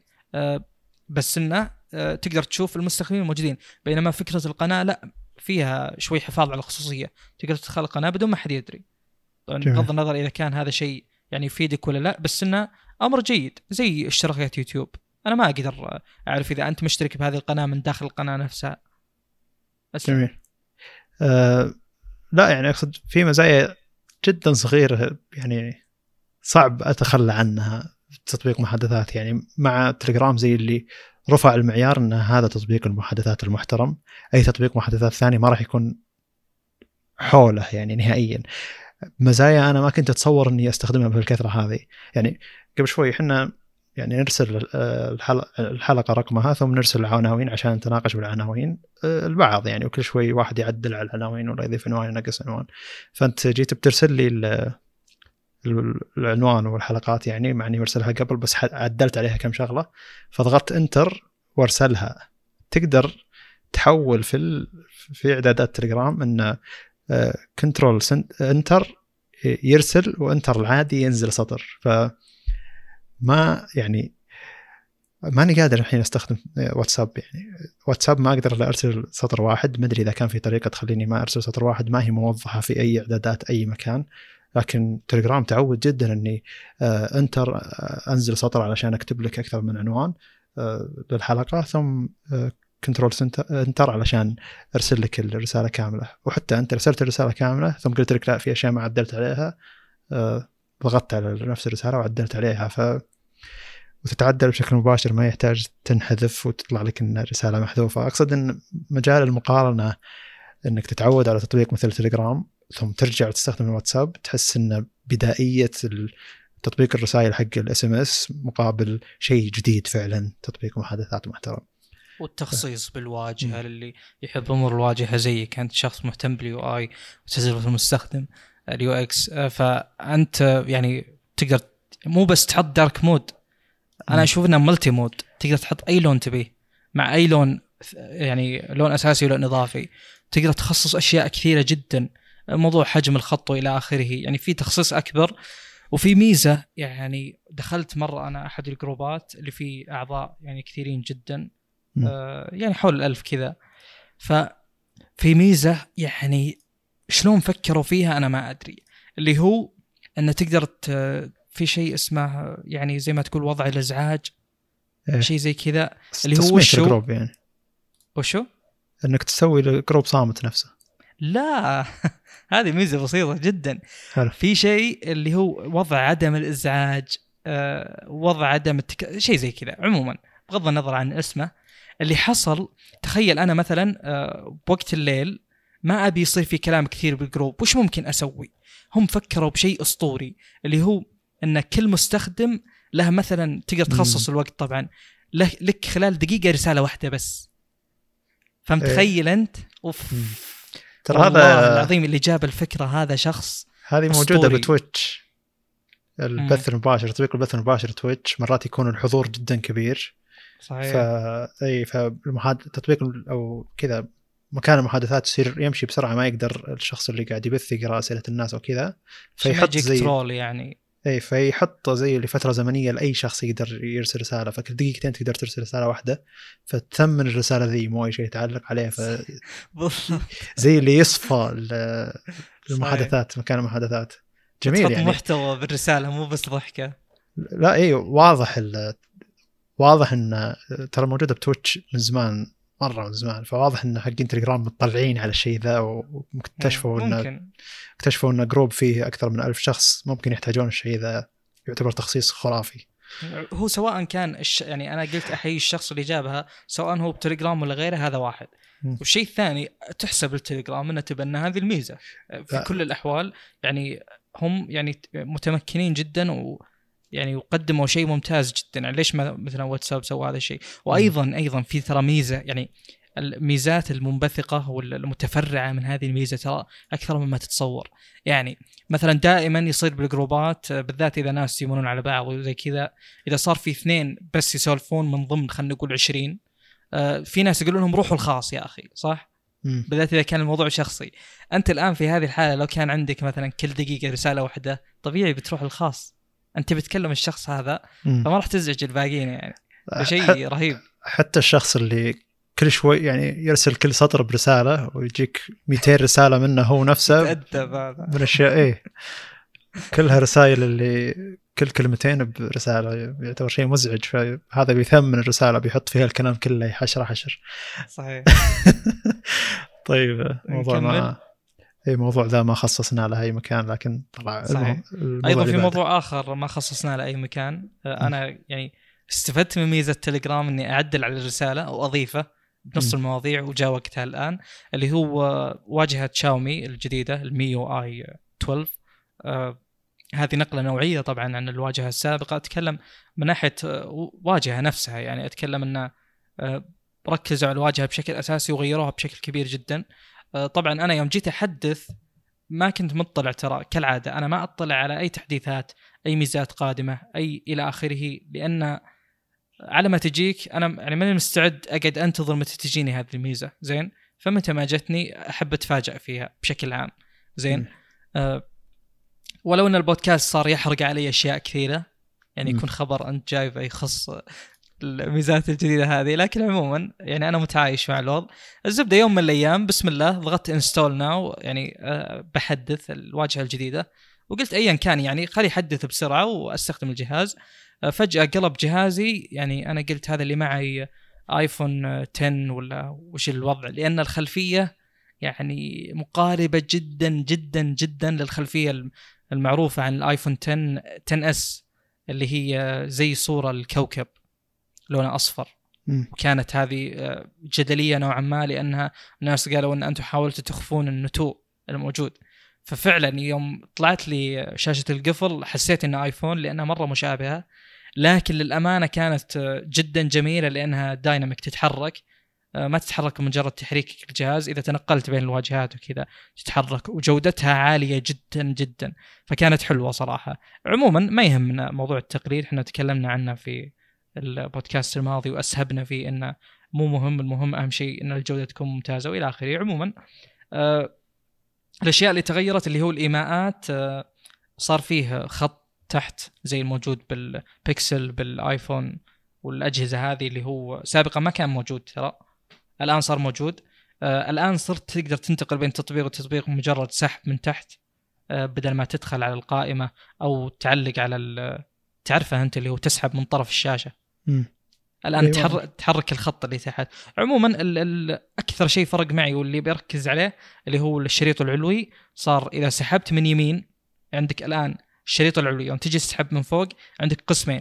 القسم اليمين حق الإعدادات السريعة اللي هو تطفي ميزات تشغل ميزات. عندك بشكل أساسي واي فاي وال data والبلوتوث والفلاش آه لهم مربعات كبيرة فوق. بينما الميزات الباقية كلها تحت مع السطوع والى آخره. آه والقسم الآخر حق الاعدادات فقط حق الإشعارات معلش فقط. فالتقسيم هذا جيد احتجت وقت عشان أتعود عليه. يعني احتجت إني أفرق بين السحبه اليمين والسحبه اليسار. أحيانا أصبعي ما يوصل الجزء الأيسر من الشاشة لأني أستخدم الجهاز بيدي اليمين فشوي يكون متعب أستخدم فيه يدي الثانية. آه، لكن بشكل عام يوصلني للمطلوب بشكل أسرع. يعني فكرة إنك تسحب الشريط مرتين ما صارت موجودة فهمت؟ جميل. صرت أوصل الاشعارات بشكل سريع جدا. عموما الواجهة نقلة نوعية وأنا صراحة مرة منصدم. يعني أول ما بديت استخدم واجهة جهاز صيني اللي هو الكي 20 برو كنت منصدم من الجودة اللي ما كنت متوقعها أصلا. كنت متوقع شيء رخيص جدا. الآن نقلة نوعية وكبيرة جدا بالإضافة على الموجود قبل. فوالله اللي ما جرب أجهزة صينية بالذات أتكلم واجهة MIUI آه، ترى غالبا بتكون يعني بيكون حكمك عليها غلط غالبا. لأن صراحة الجودة عالية جدا. ممكن تلاحظ في بعض النقاط فيها رخص زي آه، التطبيقات الموجودة مع الجهاز نفسه اللي هي WPS لأن WPS Office هذا هو زي ما تقول ال Office حق الجهاز. فبتحس إنه في رخص لأنه في إعلانات وإعلانات رخيصة جدا يعني.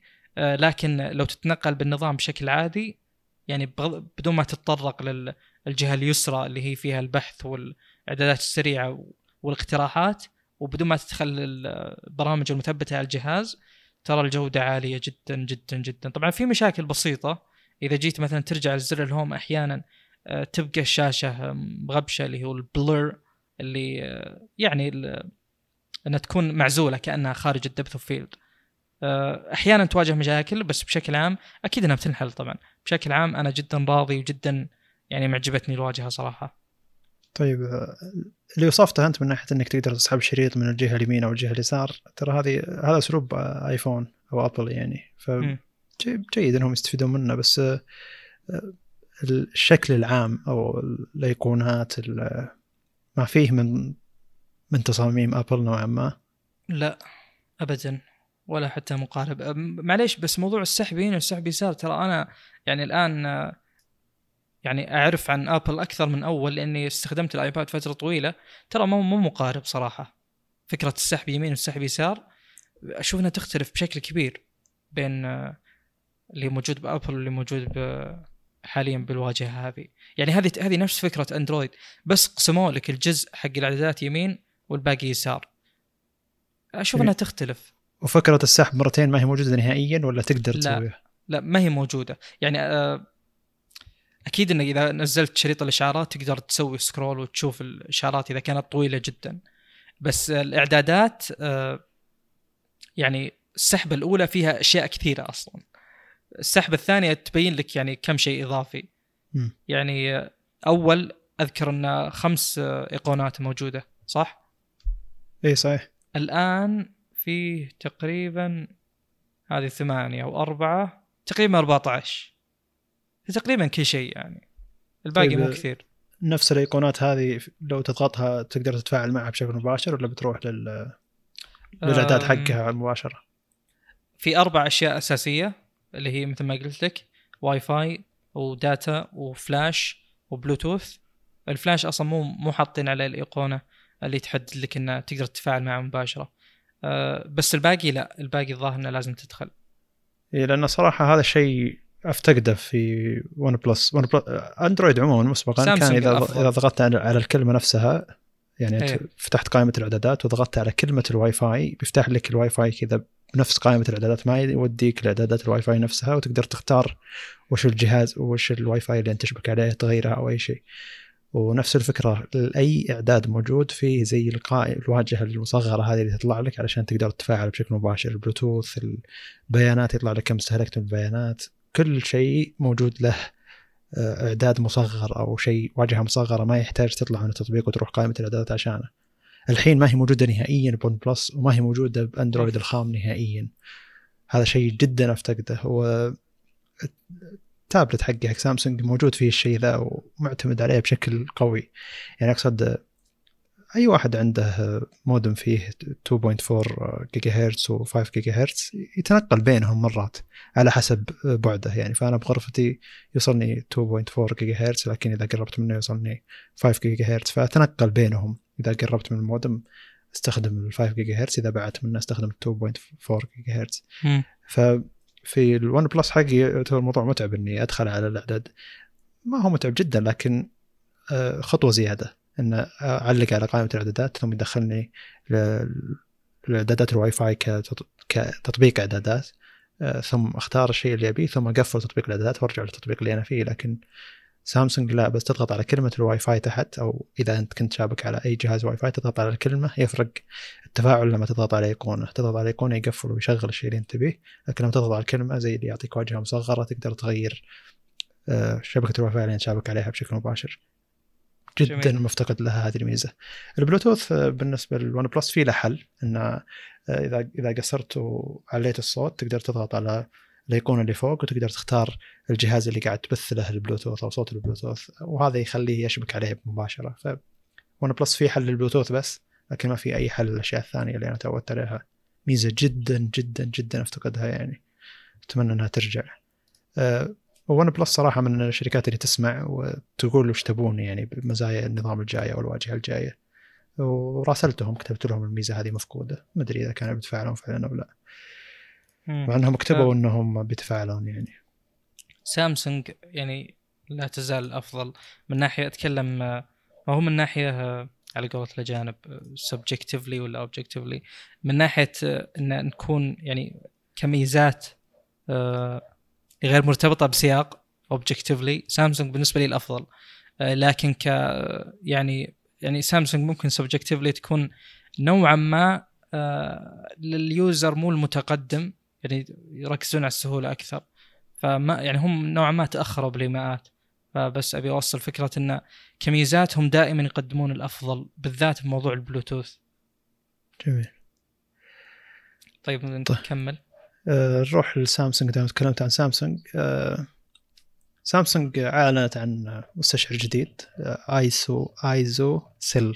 هذا اسم أصلا قطاع المعالجات عندهم لكن هذا اس- اسم المستشعرات أقصد مستشعر الكاميرا. اسم المستشعر ذا GN 1 مهم. ما أدري وش يرمز له بالضبط لكن ركزوا على أكثر من شيء. خلينا نعطي المواصفات مقابل مواصفات الماضي. طبعا هم ما يقارنونه بال 108 ميجا بكسل اللي مع شاومي يقارنونه باللي قبله اللي هو أظن 48 ميجا بكسل فالمع... المستشعر ذا الجديد 50 ميجا بكسل بدال 48 ميجا بكسل وحجم المستشعر 1.1 فاصلة لا واحد على 1.3 بدال ما هو واحد على اثنين يعني يعتبر مستشعر أكبر. وال µm إذا أنت تقول لي أو ال µm ال- حجم ال- mu ال mu حجم حجم البكسل نفسه بدل ما هو 0.8 بيكون 1.2 هذا بيخليه ياخذ الإضاءة بشكل أحسن. آه، بشكل عام يعني ويخلي أداء البكسل نفسه أقوى.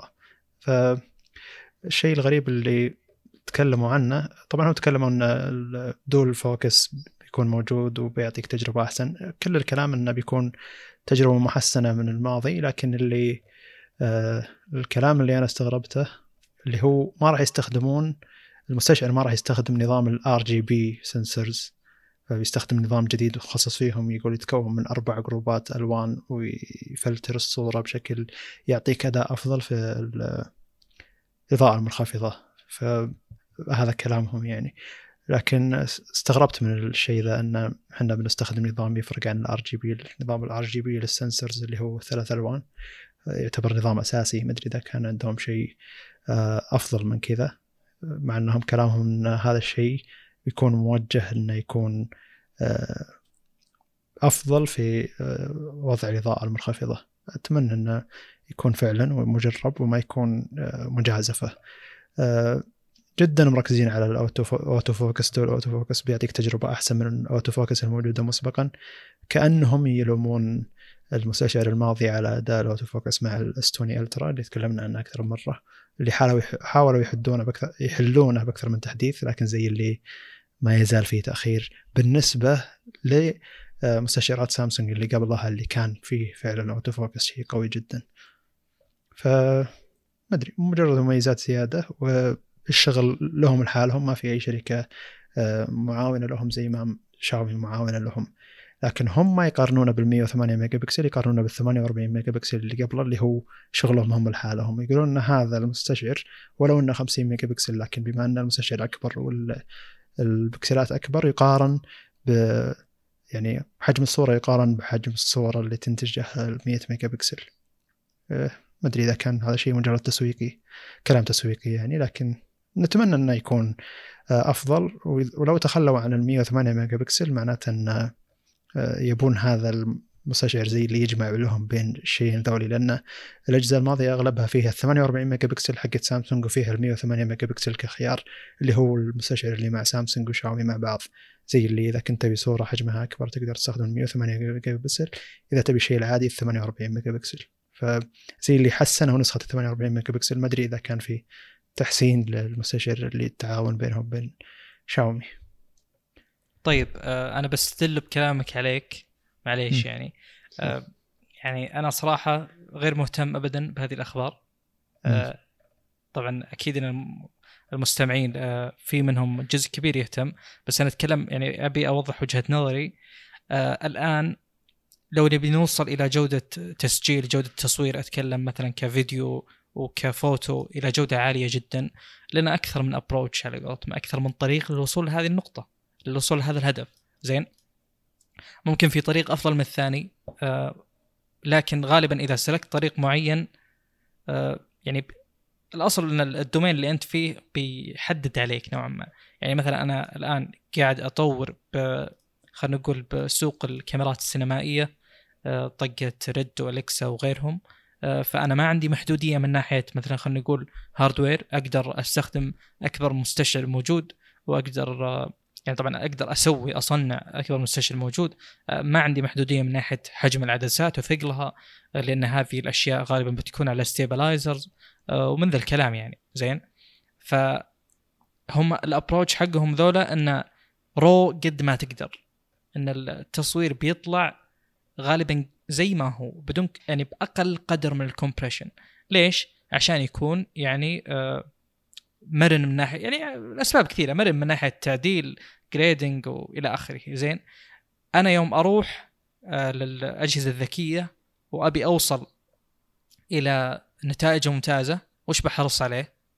بحرص في الأصل على ال post processing يعني أذكر مرة من مرات أذكر على أول ما شريت أنت الاكسبيريا Z 1 آه كنت تقول إن الصورة وهي ظاهرة لك بالكاميرا قبل لا تلتقطها شيء وبعد ما تلتقطها شيء آخر وممتاز جدا.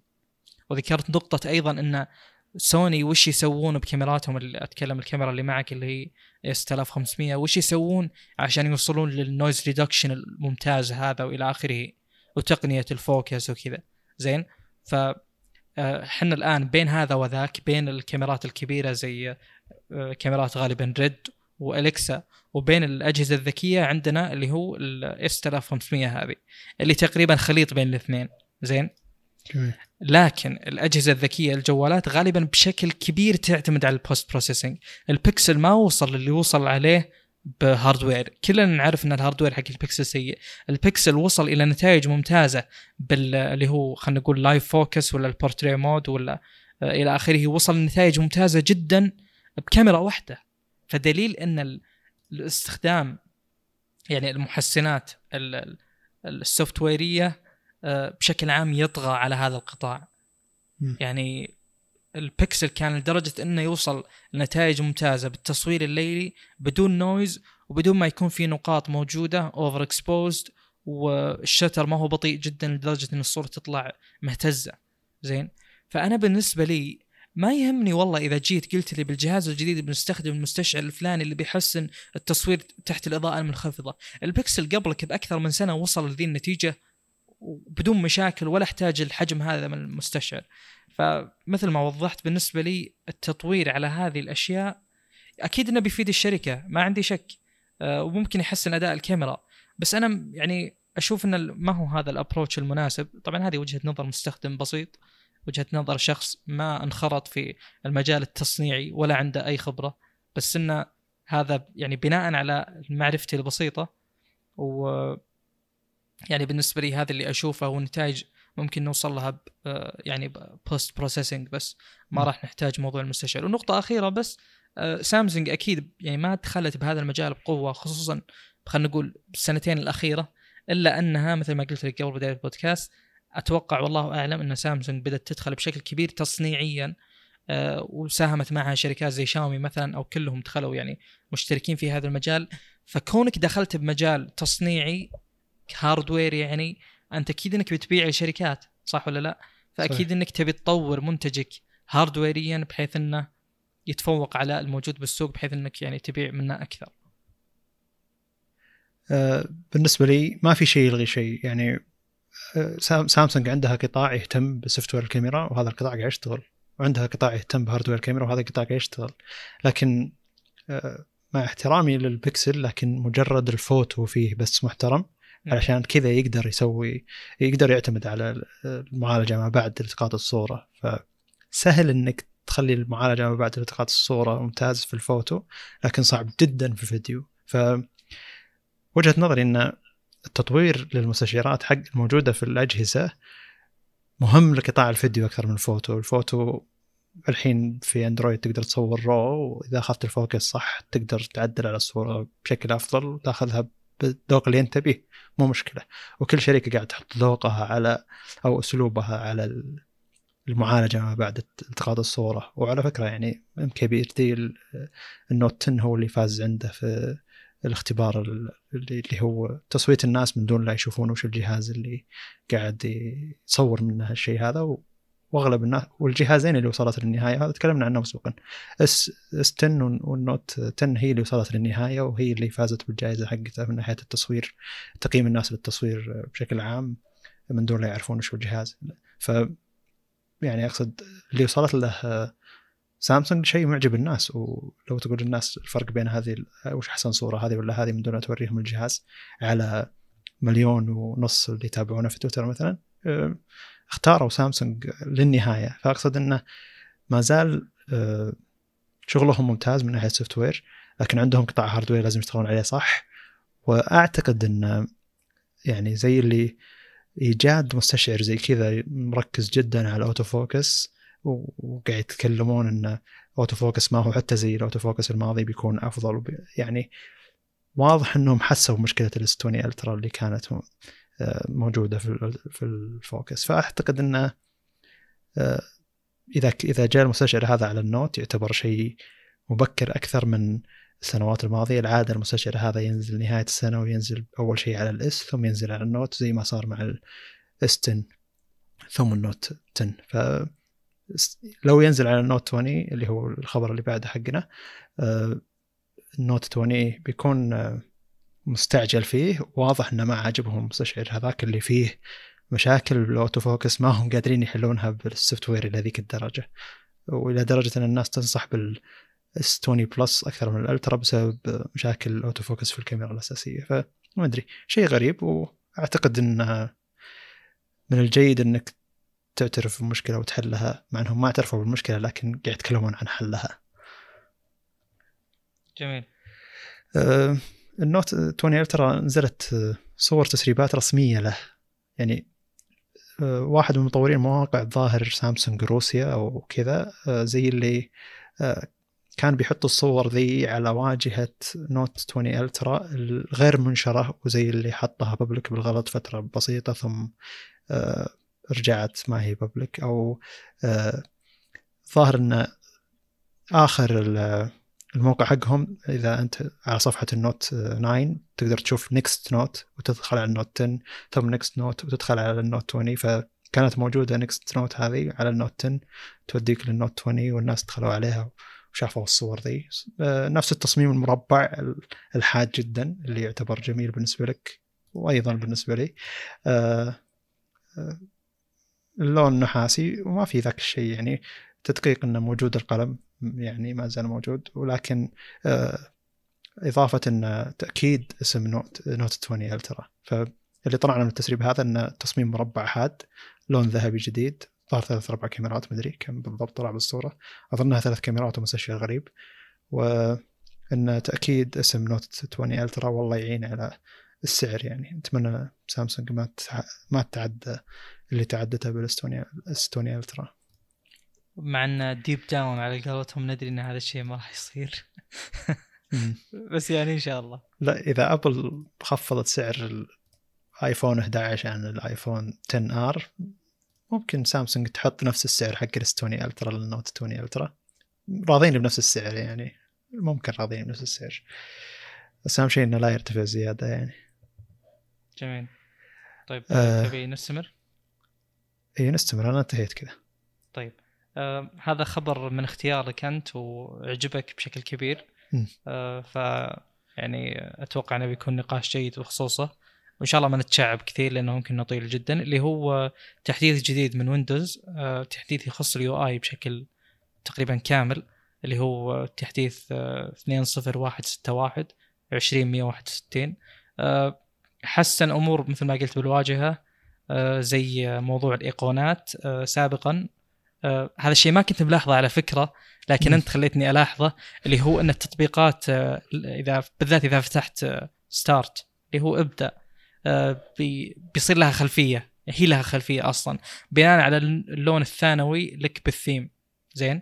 أنا أول كان عندي اللون الأساسي والثانوي نفسه فما كنت أشوف أنا في خلفية. زين؟ حاليا بالتحديث الجديد صارت بدون خلفية.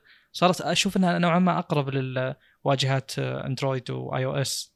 فأحس إن ال user الآن البسيط بيحس إنها مثلا يعني أكثر تطور من قبل يعني. إيه، لأن مع الوقت حتى حجمها بيكون جيد بدل ما إنها تكون داخل المربع اللي هم حاطينه باللون اللي أنت كنت مختاره. جميل.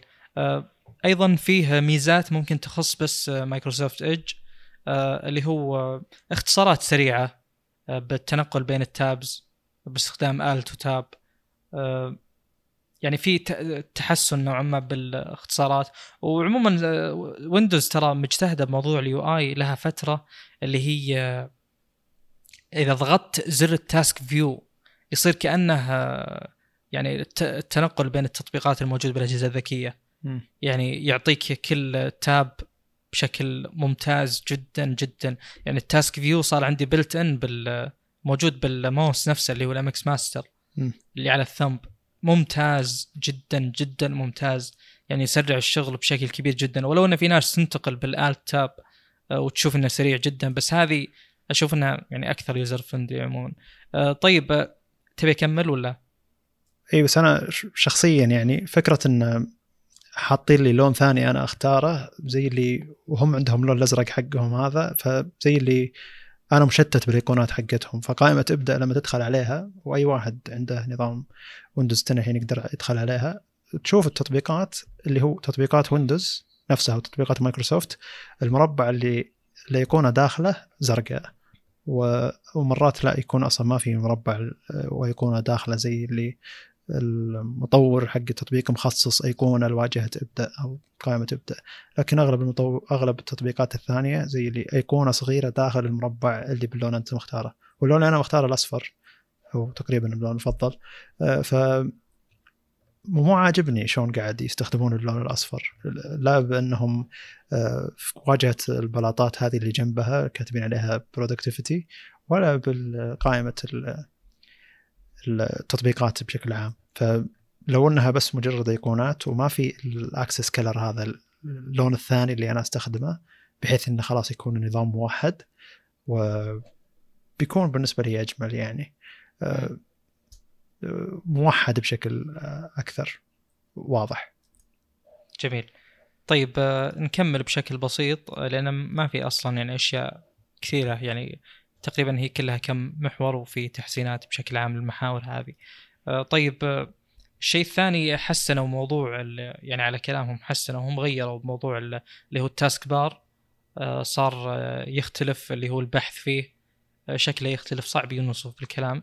بس إنه بشكل عام ال- البحث حق ال task bar صار فيه built in داخل البحث المربع ال text box هذا صار داخله في حق ال Cortana وحق ال Task View بحيث إن جميع أمور النظام موجودة بحق البحث. زين؟ اللي هو جميل. start وكورتانا و task view. زين؟ والتطبيقات تكون منفصلة فكأنهم يعني جمعوها مع بعض. عموما بكل حال أنا أصلا أشيل حق البحث وأشيل كورتانا واشيلهم كلهم اخليه بس حق ال start. بس انه أشوف انه يعني نوعا ما صار ارتب أسلم هي نفس الفكرة صراحة يعني أنا أشيل الأشياء هذه ما أخليها موجودة تأخذ مكان و اي هو يعني أقصد موجودة الاختصارات اللي أقدر أشغلها فيها مباشرة من ناحية البحث وذا. ف- البحث بس تضغط. start وتقدر تكتب على طول للي ما. يعرف ترى أسرع بشكل كبير جدا جدا يعني ما راح يطلع لك keyboard إذا ضغطت start بس لو كتبت بيطلع لك ال keyboard مم. اي هو في. في في ذكاء من الناحية جميل مم. طيب آه بس أقصد يعني ويندوز خاصة ويندوز ويندوز 10 زي اللي أعتقد إن مايكروسوفت تشوفه شيء عالمي والناس كلها متعودة عليه وخايفة تغير أي شيء موجودة فيه لأن حست إنها نجحت فيه بعد ثلاث أنظمة كانت شوي متخبصة فيها. فتغييرات زي هذه ترى تعتبر كبيرة بالنسبة لمايكروسوفت مع إنها نشوفها ولا شيء ونعتبرها واجهة مستخدم يعني لكن آه، مايكروسوفت ترى صعب عليها التغيير هذا على مستوى النجاح وكمية المستخدمين. دائما لازم تقيسها على الشيء هذا. إنك أنت تقدر آه، تنزل تحديث وتجرب على كمية مستخدمين صغيرة ما تعتبر مشكلة. ما عجبتهم الميزة هذه ما عجبهم أسلوب النظام هذا ترجع اللي أنت به. لكن كمية مستخدمين ويندوز مرعبة. أعتقد إن مايكروسوفت عندها خوف إنها تحط ميزات أكثر جراءة أو تغير الواجهة بأكثر جراءة. زي الحين آه، معنا ما تكلمنا عنه الماك الجديد Big Sur اسمه آه، واجد من الأشخاص مصممين ال UI قاعد ينتقدون الأيقونات وأسلوبها وقاعد ينتقدون إنه آه، يعني جدا محيوس النظام والأيقونات مشتت بشكل عجيب. مع إنهم يعني أقصد تلقاهم متخصصين يعني UI أو UX علشان يقدرون يتكلمون الكلام هذا بينما المستخدم بيجي ويجرب يسوي اللي يبي. وهو عادة محبين أبل آه، صعب عليهم ينتقدون الشركة ما أدري ليش بس آه، ويتعودون على الشيء اللي تحطه لهم الشركة. لكن آه، ويندوز لما جت بعد ويندوز 7 بويندوز 8 8.1 كان كل الانتقادات على إن النظام هذا يعتبر سيء. واجهة البلاطات كانت من أسوأ الواجهات وكانوا الناس يسبون الشركة على ان انت موفر البلاطات هذا حقيقي الشيء ولا من عندك؟ أنا ضحكني الاسم. إي يسمونها واجهة البلاطات blocks أو كذا. أدري. المربعات هذه. هي نفسها الواجهة اللي كانت على ويندوز فون وعلى أساس إنه يكون عارف عند- أنا بس البلاطات ضحكتني إي فأقصد إنه آه، شوف الحركة ذيك إنه إحنا كنا بنوحد الواجهة ونعطيك تجربة موحدة وكانت نقطة جريئة إنك تنتقل من ويندوز 7 اللي الناس متعودة على اسلوبه وايقوناته وسطح المكتب حقه إلى أن الجهاز له واجهتين والناس كانت ما تستخدم واجهة ال...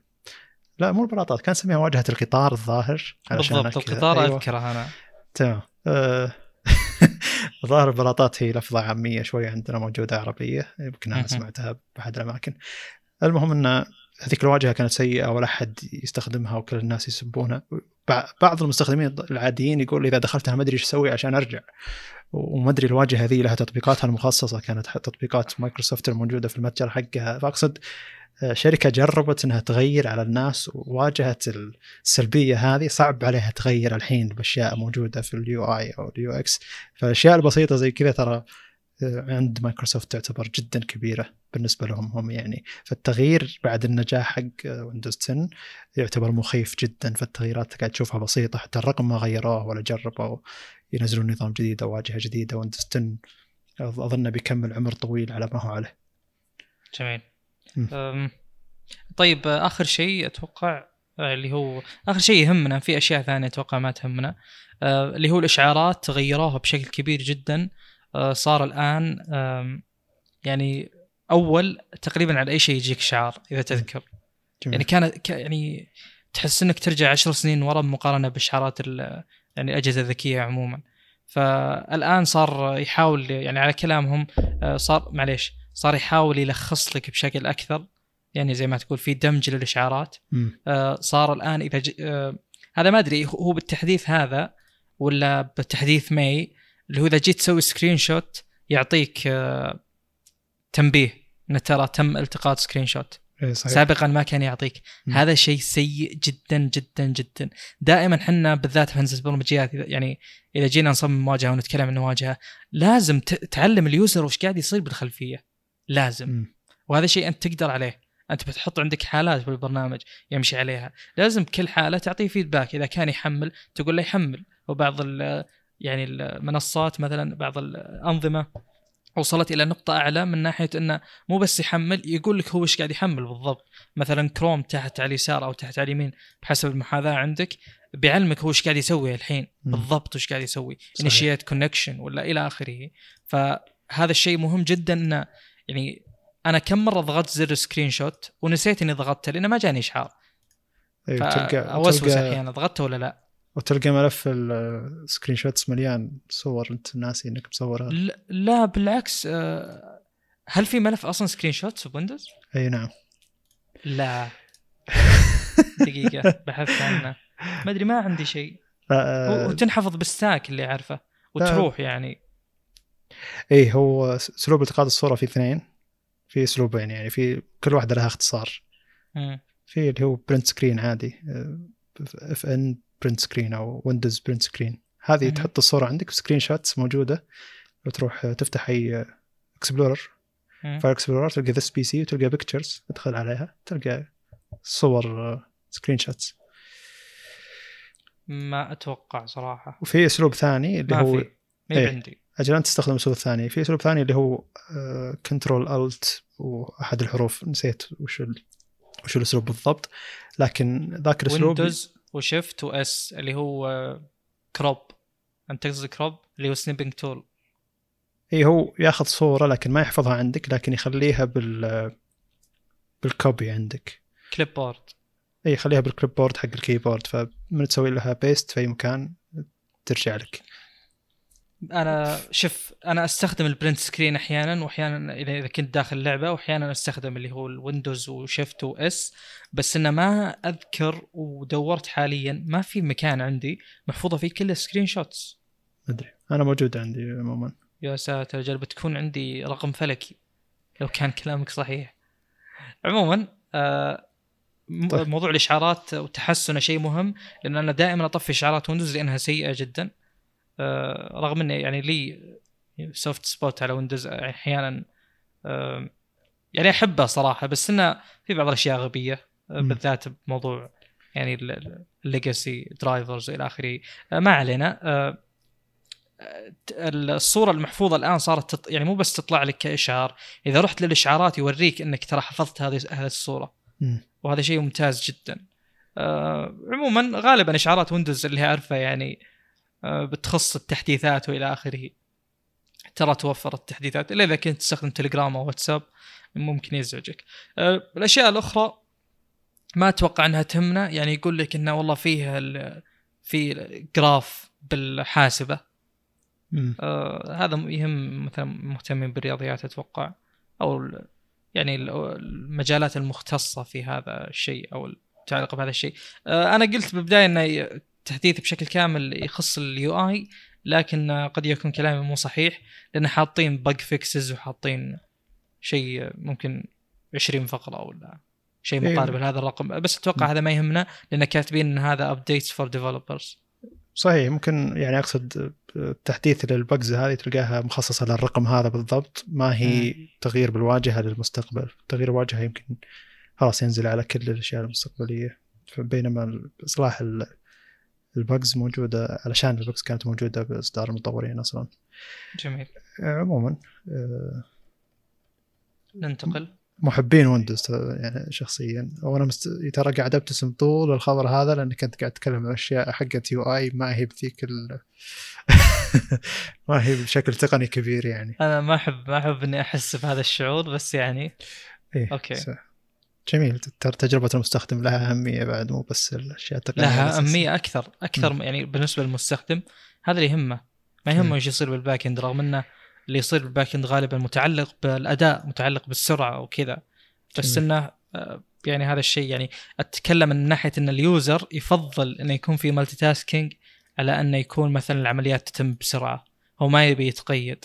جميل. آه، أصلا فكرة ال UIs بشكل عام ان أقدر أسوي أشياء وفي أشياء تصير بالخلفية. هذه الفكرة. يكون في أصلا في أنواع من ال- اللي هو ال CPU scheduling في أنواع تخص انه يعني مثلا في طريقة من ال CPU scheduling تخص إن الأداء بيكون أفضل وإنجاز المهمات بيكون أسرع. لكن ما فيه responsiveness يعني إذا ال user دخل أمر ما راح يستجاب له لما يخلص الأمر اللي بالخلفية. هذه من ناحية استفادة من موارد الجهاز أفضل. لكنها للأسف آه، مو للأسف يعني هذا الواقع. آه، ال user ما يهتم إنه والله أنت تنجز المهام بسرعة. يهتم إنك تستجيب الأوامر متى ما طلب منك شيء.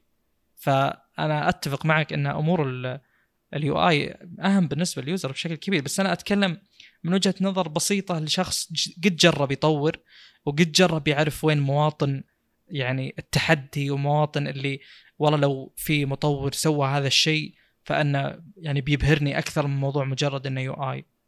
ولو إن ال UI ترى مرتبط بال بال multitasking بشكل كبير جدا يعني. أو معليش ك front end back end في ارتباط. يعني كلهم يدخلون مع بعض عشان يوفرون لك تجربة multitasking أفضل. يعني الموضوع ما ما هو ما هو إنهم منفصلين بشكل كبير مثل ما قلنا تو. اسلم. جميل. نروح الموضوع غير تقني ابدا المرة هذه اللي هو الفكرة من OnePlus Nord OnePlus شركة من بدايتها كانت آه، تبي ذولي الناس التقنيين اللي يدورون أفضل سعر مقابل الأداء ومقابل المواصفات وكذا. ثم الحين زي اللي مع ال OnePlus 7 Pro مع ال OnePlus 8 Pro 8 زي اللي خلاص تحولت إلى أنها تسوي بس أجهزة premium أو flagships يعني على الأسعار وعلى يعني الفئة المستهدفة. فزي اللي إعادة إحياء نوعا ما للذكرى الماضية أكثر أه، سووا OnePlus Nord وطريقتهم في إنهم بيسوون جهاز متوسط بأفضل سعر ممكن مقابل الأداء بس إنه جهاز متوسط فإنهم بيأخذون فعلا ترى الجهاز يعني من ناحية المواصفات المسربه فعلا بيكون من أفضل الأجهزة المتوسطة ما هو شيء آه، بس كلام.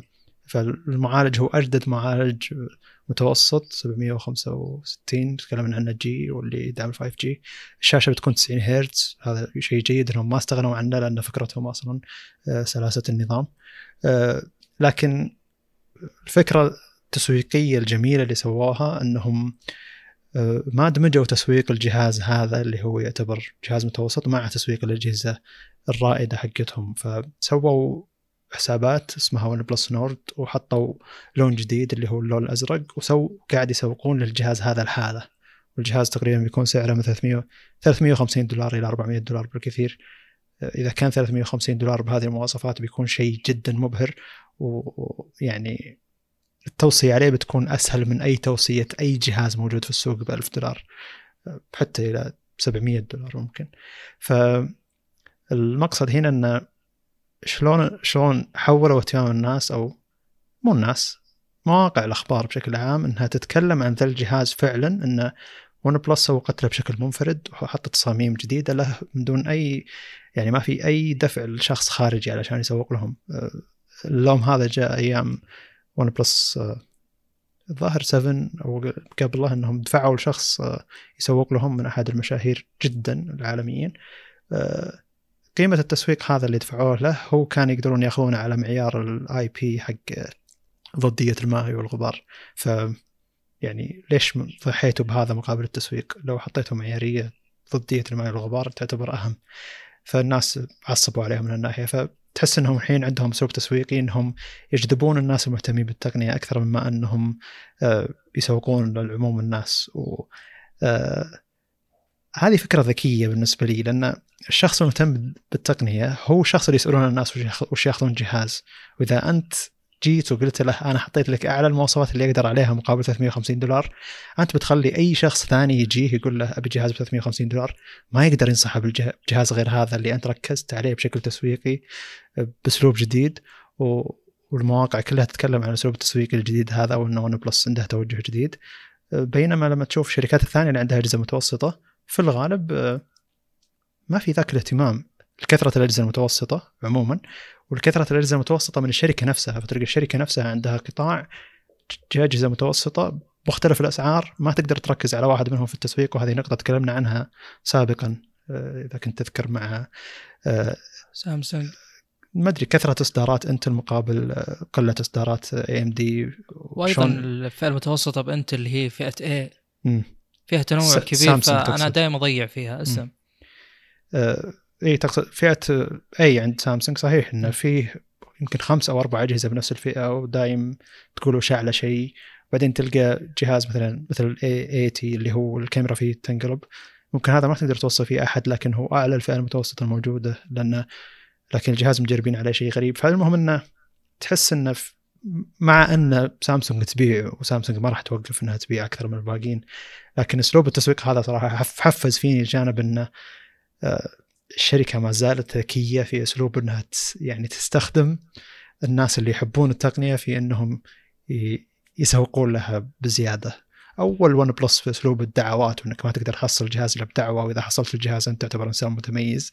إلى أسلوبهم في إنهم تحولوا إلى شركة جدا شركة تقدم جهاز بريميوم غالي وحطوا هذه الفئة أيضا للناس اللي آه، يتابعون التقنية بشكل أكثر. ف يعني أنا حاط تطبيق فيدلي تطبيق فيدلي موجود على الاندرويد هو تطبيق تقدر تتابع فيه الأخبار تحط أي كل مواقع الأخبار تجيك مرة واحدة. تقدر تحط اسم معين وخلاص. أي أي مقال في العالم تكتب فيه العبارة هذه بيجيك بيجيك الخبر. فأنا حاط سامسونج حاط OnePlus حاط كذا كاسم. يعني أي موقع في العالم يتكلم عن هذه الشركة بيجيني الخبر. أي موقع يتكلم عن OnePlus بيجيني الخبر.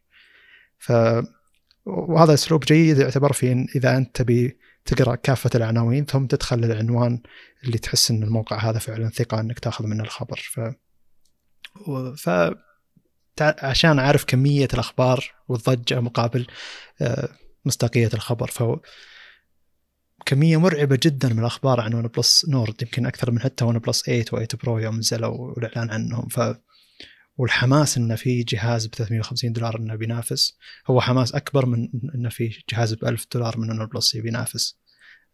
وقد تكلمنا إن هذا السوق هو يعتبر سوق أقوى وإنك تدخله بأسلوب تسويقي أجدد زي كذا إنك تركز على جهاز واحد تقدر تسوق له بيعتبر أسلوب ذكي.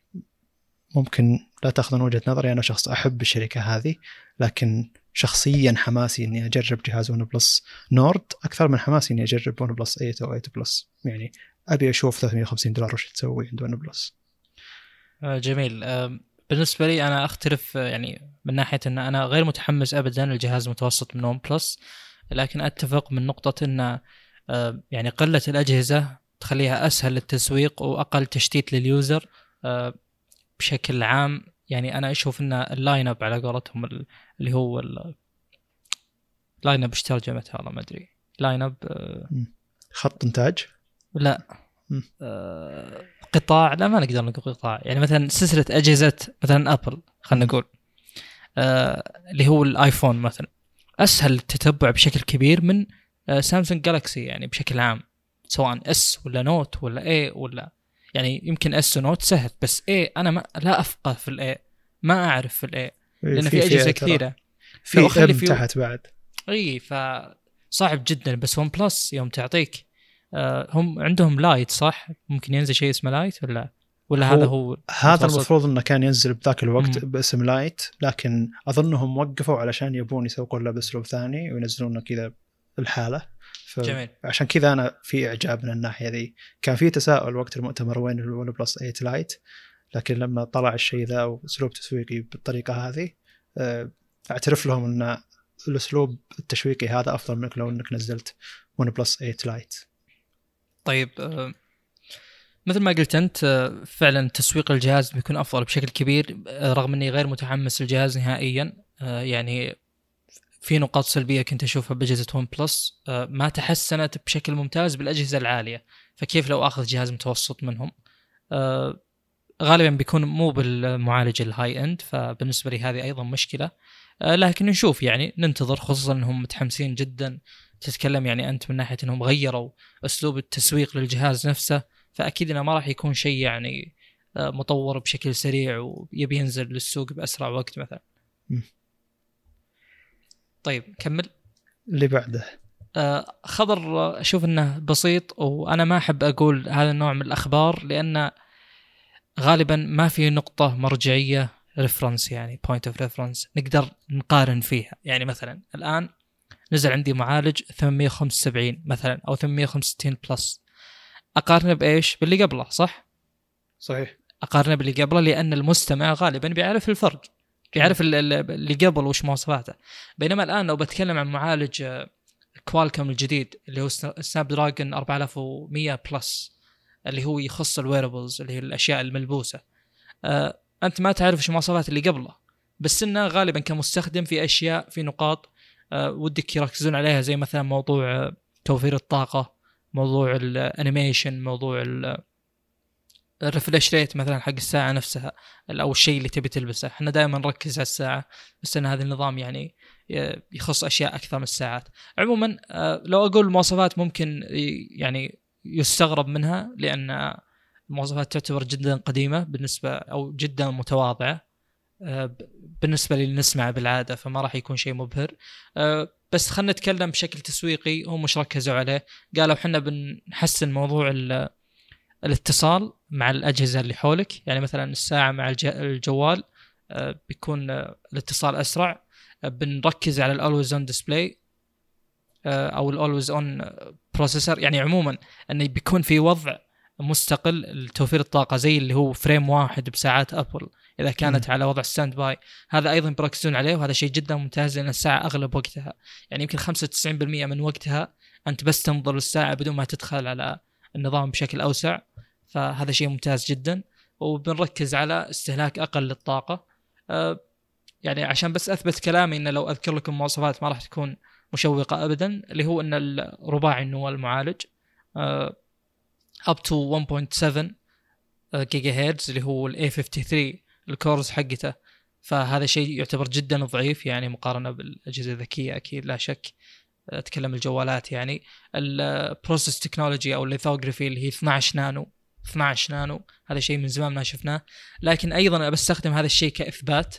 آه، بالإضافة إلى 12 نانو تقنيات الواي فاي طبعا ما هي متقدمة جدا ما في AX مثلا البلوتوث آه، 5.0 آه، عشان أثبت كلامي بس ال- ال- الرامات الموجودة ال بي دي دي ار 3 الترد حقها 750 ميجا هرتز حتى ما يوصل 1 جيجا هرتز آه، فعندنا الرامات دي دي ار 3 اللي هي ال بي دي دي ار 3 وعندنا ال- ال storage اللي هو ال eMMC وعندنا ال process 12 نانو هذه كلها أشياء آه، من وجهة نظر أي آه، مستخدم خلينا نقول أكثر من عادي آه، بيعرف أنها أشياء ما هي صديقة لتوفير الطاقة صح ولا لا؟ صحيح إحنا هذا اللي نسمعه بالعادة إنه أوه لازم تكون lithography أقل وإلى آخره بس هذا الكلام بالنسبة لي غير صحيح نهائيا لأنه. يعني هو صحيح ال- من منظور بسيط جدا بس ممكن ما يكون صحيح بالعموم. يعني مو معناها ان إذا وفرت lithography أقل يعني إنه خلاص توفير الطاقه بيكون أفضل على الإطلاق.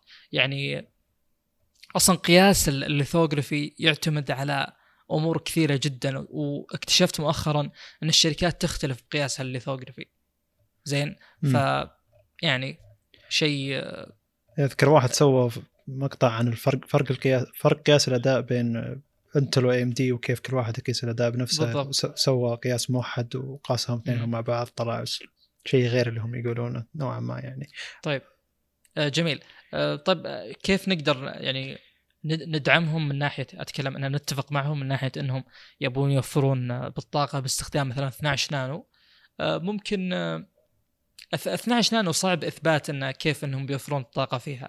بس مثلا لو تروح لل eMMC لو تبحث ال UFS ميزتها السرعة العالية مقابل توفير الطاقة لكن هل معناها ان توفير الطاقة فيها ممتاز؟ يعني أفضل من ال eMMC الجواب لا.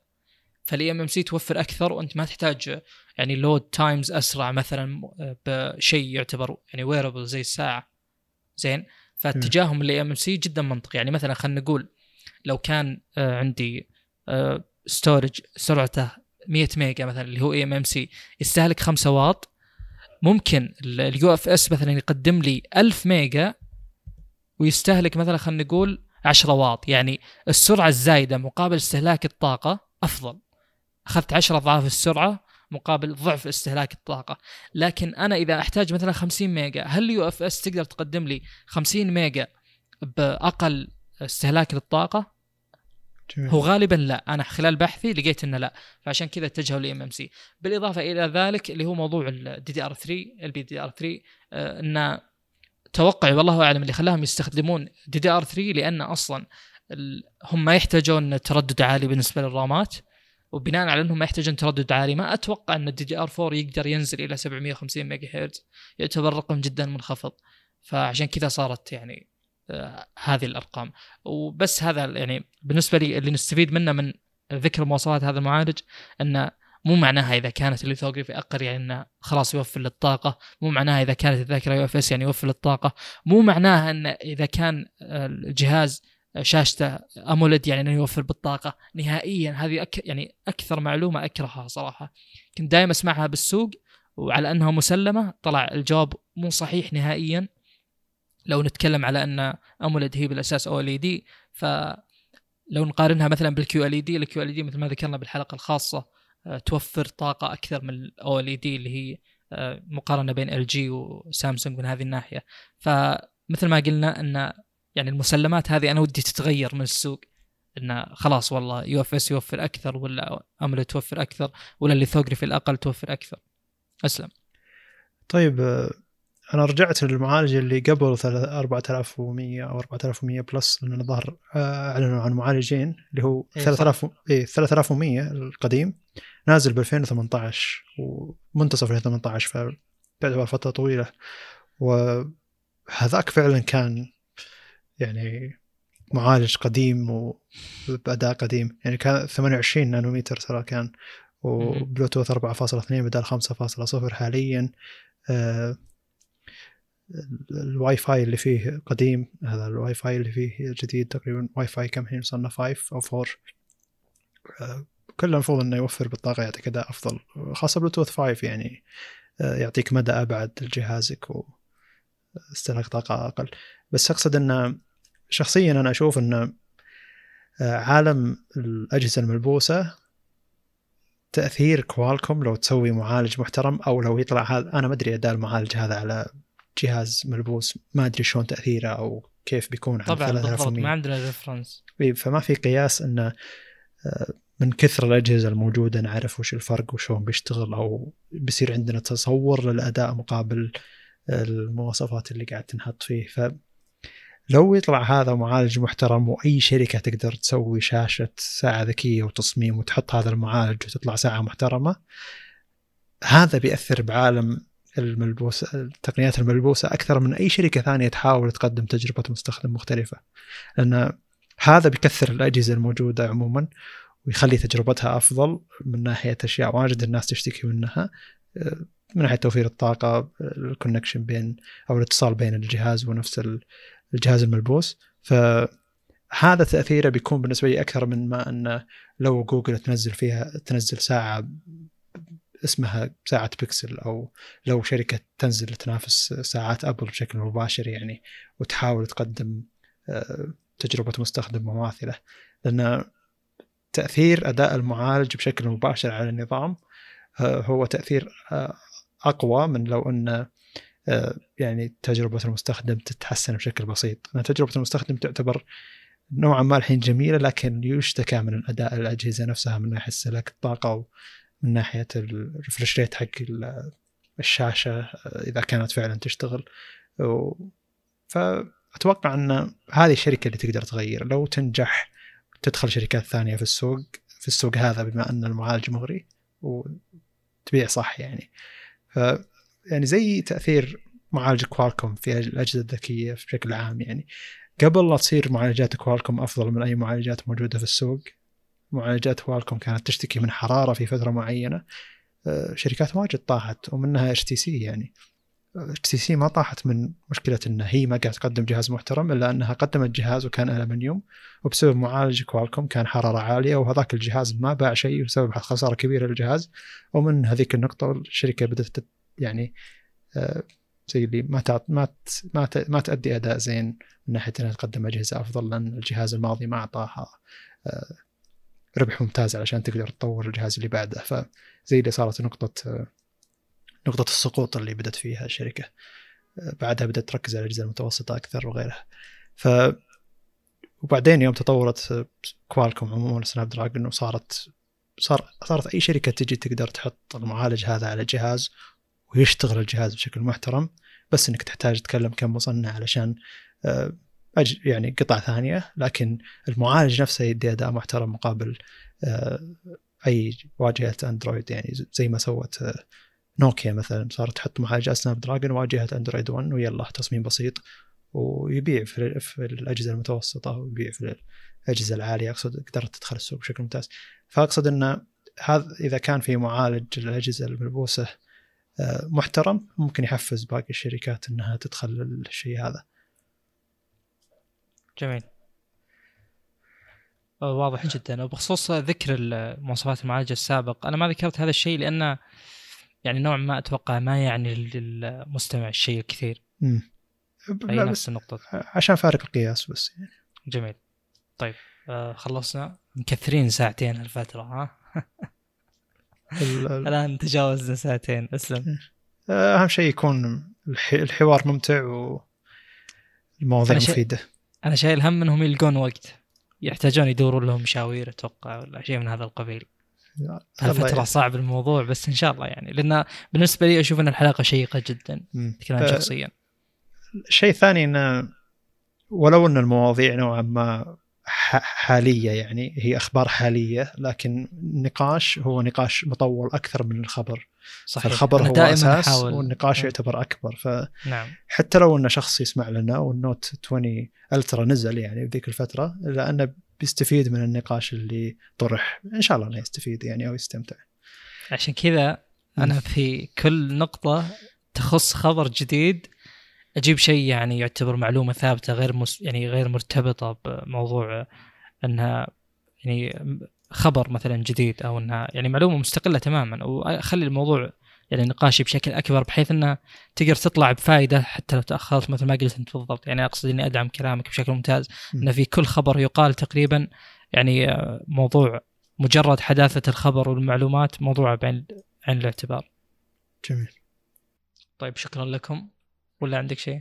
نوع أخبار كذا ونوع أخبار كذا. صحيح صحيح. يلا السلام عليكم.